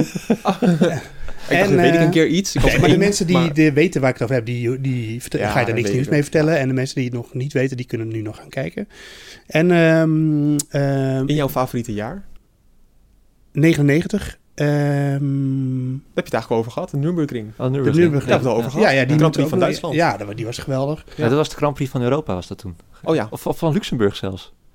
Via Luxemburg. Ja, de. Grand Prix van klopt, ja. Luxemburg Ja, van de ja. Je Nürburgring. had het over de Hockenheim gewoon, toch? Denk ik, in 99. Ehm, ja, Ja. Ja. ja. Oké. Dat deze ook. En waarom dan ongeveer? Om het tot gewoon heel te vet. Top. Gewoon Hartstikke vet. Oké, nou Jorn... Ik eh, nog, nog eentje, nog eentje. oh, ja. Maleisië 2001. Kun ja, je met zien, eh, eh, Verstappen. Ja, dat Ja. Jos toch echt wel... eh, Misschien heel goed ging. Niet spoilen. Mogelijk, mogelijk een goede prestatie heeft Mogelijk. eh na de, de eindklassering. Ja, oké. Ehm, Nou, eh, Jorn, ik hoop dat je de winter doorkomt met dit. Ja. Dat, ja, dat zou toch fijn zijn. Want dan en gaan anders we, eh, het eh, seizoen eh, 1999 van eh, Manchester United. Dan wonnen ze de treble. En wat ook mijn persoonlijke tip is, kijk gewoon eens alle samenvattingen nog eens terug van het jaar 2020. Op de site van de Formule 1 eh, staat een mooi dat heeft overzicht. iedereen al zitten doen de afgelopen weken. Dus Ik wel weet ik niet, want ik heb het namelijk niet gedaan. En ik ben ook groot liefhebber. En ik ben echt constant weer ver- verrast door de leuke dingen. Met name ook Oostenrijk 1 is echt een geweldige. Ja. Doe Maar ik begin een beetje droge keel te krijgen, dus we gaan afsluiten. We gaan afronden. Zo gelukt om het kort te houden, of niet? Ja, ik zit even te kijken hoe laat- hoe lang de opnames zijn. Ja, mensen weten hoe lang het ongeveer is. We zitten ongeveer op eh, bijna anderhalf uur. Hij zegt, ja, we gaan, dit gaan we, gaat het dus eindelijk een keer lukken Ja, om het wat kort is te houden. Voor een, voor een eindejaars eh, Ja, mag wel het toch? wel. Mensen vinden het alleen maar eh, leuk. Ja, toch? Lul om het altijd maar kort te moeten houden. Ja, ik vind het altijd heerlijk, een lange podcast. Ja, Maar stel, we hadden alle coureurs... delen luisteren. Ja precies. Maar het is een beetje gek om dat aan het eind te zeggen. Ja. En als het over elke coureur twee minuten hadden gehad, dan waren we al 40 minuten verder. Dus, nou ja, dus, Zonder eh, volgens mij is het een leuke podcast geworden. Over wie hebben we het nou helemaal niet gehad? Fiat? Ja, hebben we nee, hebben we ook genoemd. Ja, Ja. ja. We hebben wel een paar types niet genoemd. Latifi hebben we genoemd. Pietro Magnussen. Fittipaldi had ik nog niet genoemd. Nee, We hebben het eigenlijk over Hulkenberg ook niet gehad. niet echt. Nee, ja, ongelooflijk. moet je selectief zijn. Ja, Latifi niet Magnussen. Dat is volgens de eerste keer dat we hem, deze, dat we hem noemen, deze podcast. Ja, dat zou kunnen, ja. Ja, ja wel grappig. Zegt eigenlijk. wat. Ja, nou, we hebben iedereen eigenlijk wel eh, besproken. Ja, Bottas hebben het eigenlijk ook, ja, daar heb je het ook over gehad. Hebben het Oké, nou goed, we gaan hem afsluiten. Ehm, nu vraagt de luisteraar zich vooral af, wat gaan jullie volgend jaar doen? Dat is bij ons een, eh, een dingetje geweest op de redactie. Ja, dat, dat was eh, niet makkelijk. Nee, nee. Kijk, zullen we gewoon open kaart spelen? Ja, doe maar. Zullen we gewoon helemaal open, strijden. We Ja, hebben we echt hebben moeten echt moeten strijden, om- strijden. Om, de boordradio overeind te houden. ja. We zullen gewoon helemaal open kaart spelen. Nou, laten we dat niet doen. Ja, wij zijn, we- Nu.nl is overgenomen door DPG Media, de persgroep. Er zit ook AD bij en eh, Q Music. En daardoor hebben wij een nieuwe strategie op Nu.nl. Mogen we dat zeggen? Ja, natuurlijk. ja. tuurlijk, tuurlijk. En de focus ligt wat meer op het uitleggen van nieuws. Nou, daar ga ik ook me ook mee bezighouden voor video. En daardoor is er wat minder tijd om podcasts te maken. Eh, dat heeft misschien ook wel een beetje marketingreden te maken. Of misschien wel geld. Dat er moeilijk geld mee te verdienen is, denk ik. Weet ik eigenlijk niet. In ieder geval, er, worden, er wordt gesneden in de podcast. Eh, de NuTech-podcast die we hadden is weg. Eh, we hadden de Week van Nu. Er wordt nu maandelijkse podcast. Ja. Daar vertelt de hoofdredacteur Gert-Jaap Hoekman hoe het allemaal zit. En de bordradio, ja, wat zou daarmee gebeuren? Nou, goed nieuws, we verdwijnen niet. Maar we zijn er alleen nog op de maandag. Ja. Of op de zondag, moeten we nog even bepalen. Ja. In ieder geval na de race. We We gaan alleen nog maar een terugblik maken. Waarom eigenlijk? Ten eerste omdat de vooruitblik eh, echt procentueel veel minder beluisterd wordt. Heeft een beetje met de timing van de, de podcast te maken. Want eh, ja, vrijdagmiddag staat het pas online. Dan heb je eigenlijk de vrije training al gehad. Is vaak onze informatie ook een beetje achterhaald. En donderdag verplaatsen is niet echt een optie. Dus dat is eigenlijk een van de redenen. Maar we komen dus uitgebreider met een terugblik. Hij wordt twee keer zo lang. Ja. nou, nou, dus kan monteren wordt dat nog een ding. nee, Nee hoor, en eh, eh, we nemen dat ook op. Eh, dat wordt misschien wel weer op YouTube, dat weten we nog niet. Maar we gaan het in ieder geval opnemen. En die beelden verschijnen ook weer op nu.nl. Dus fragmenten uit de podcast komen als losse video op nu.nl. Ja, dus als je een hele goede vraag hebt, dan kan het zijn dat jouw vraag ook in videovorm terug te vinden is op nu.nl. En gewoon vier minuten, vijf minuten lang. Dus dat wordt wel vet. Ja. Ja, dus eh, dat, eh, dat gaan we doen. Ehm, altijd een terugblik dus op nu.nl na elke Grand Prix. Belangrijkste is, 23 de keer. boordradio blijft. Ja, Ja, dat, dat zeker. helemaal niet zo Elke, zeker. dus, eh, elke Grand Prix 23 keer eh, sowieso. Ja. En we gaan nog wel een paar meer maken rondom de testdagen natuurlijk. Dus eh, jullie zijn nog niet van ons af. Om een lang verhaal kort te maken. Ik denk dat we zo openheid eh, van zaken hebben gegeven. Ehm, heb je nou nog eh, vragen voor ons? Eh, of wil je ons complimenteren? Of voor ons gelden, mag ook. Of mag kapot allemaal. schelden, kan allemaal. Incasseren kunnen we ook. Ja, het mailadres verdwijnt zeker niet. Podcast.nu.nl. Die is dus bijna exclusief voor, voor ons inmiddels. Je kan ons ook altijd bereiken op Twitter, de Bordradio. En ga ons vooral ook even volgen. En waarom?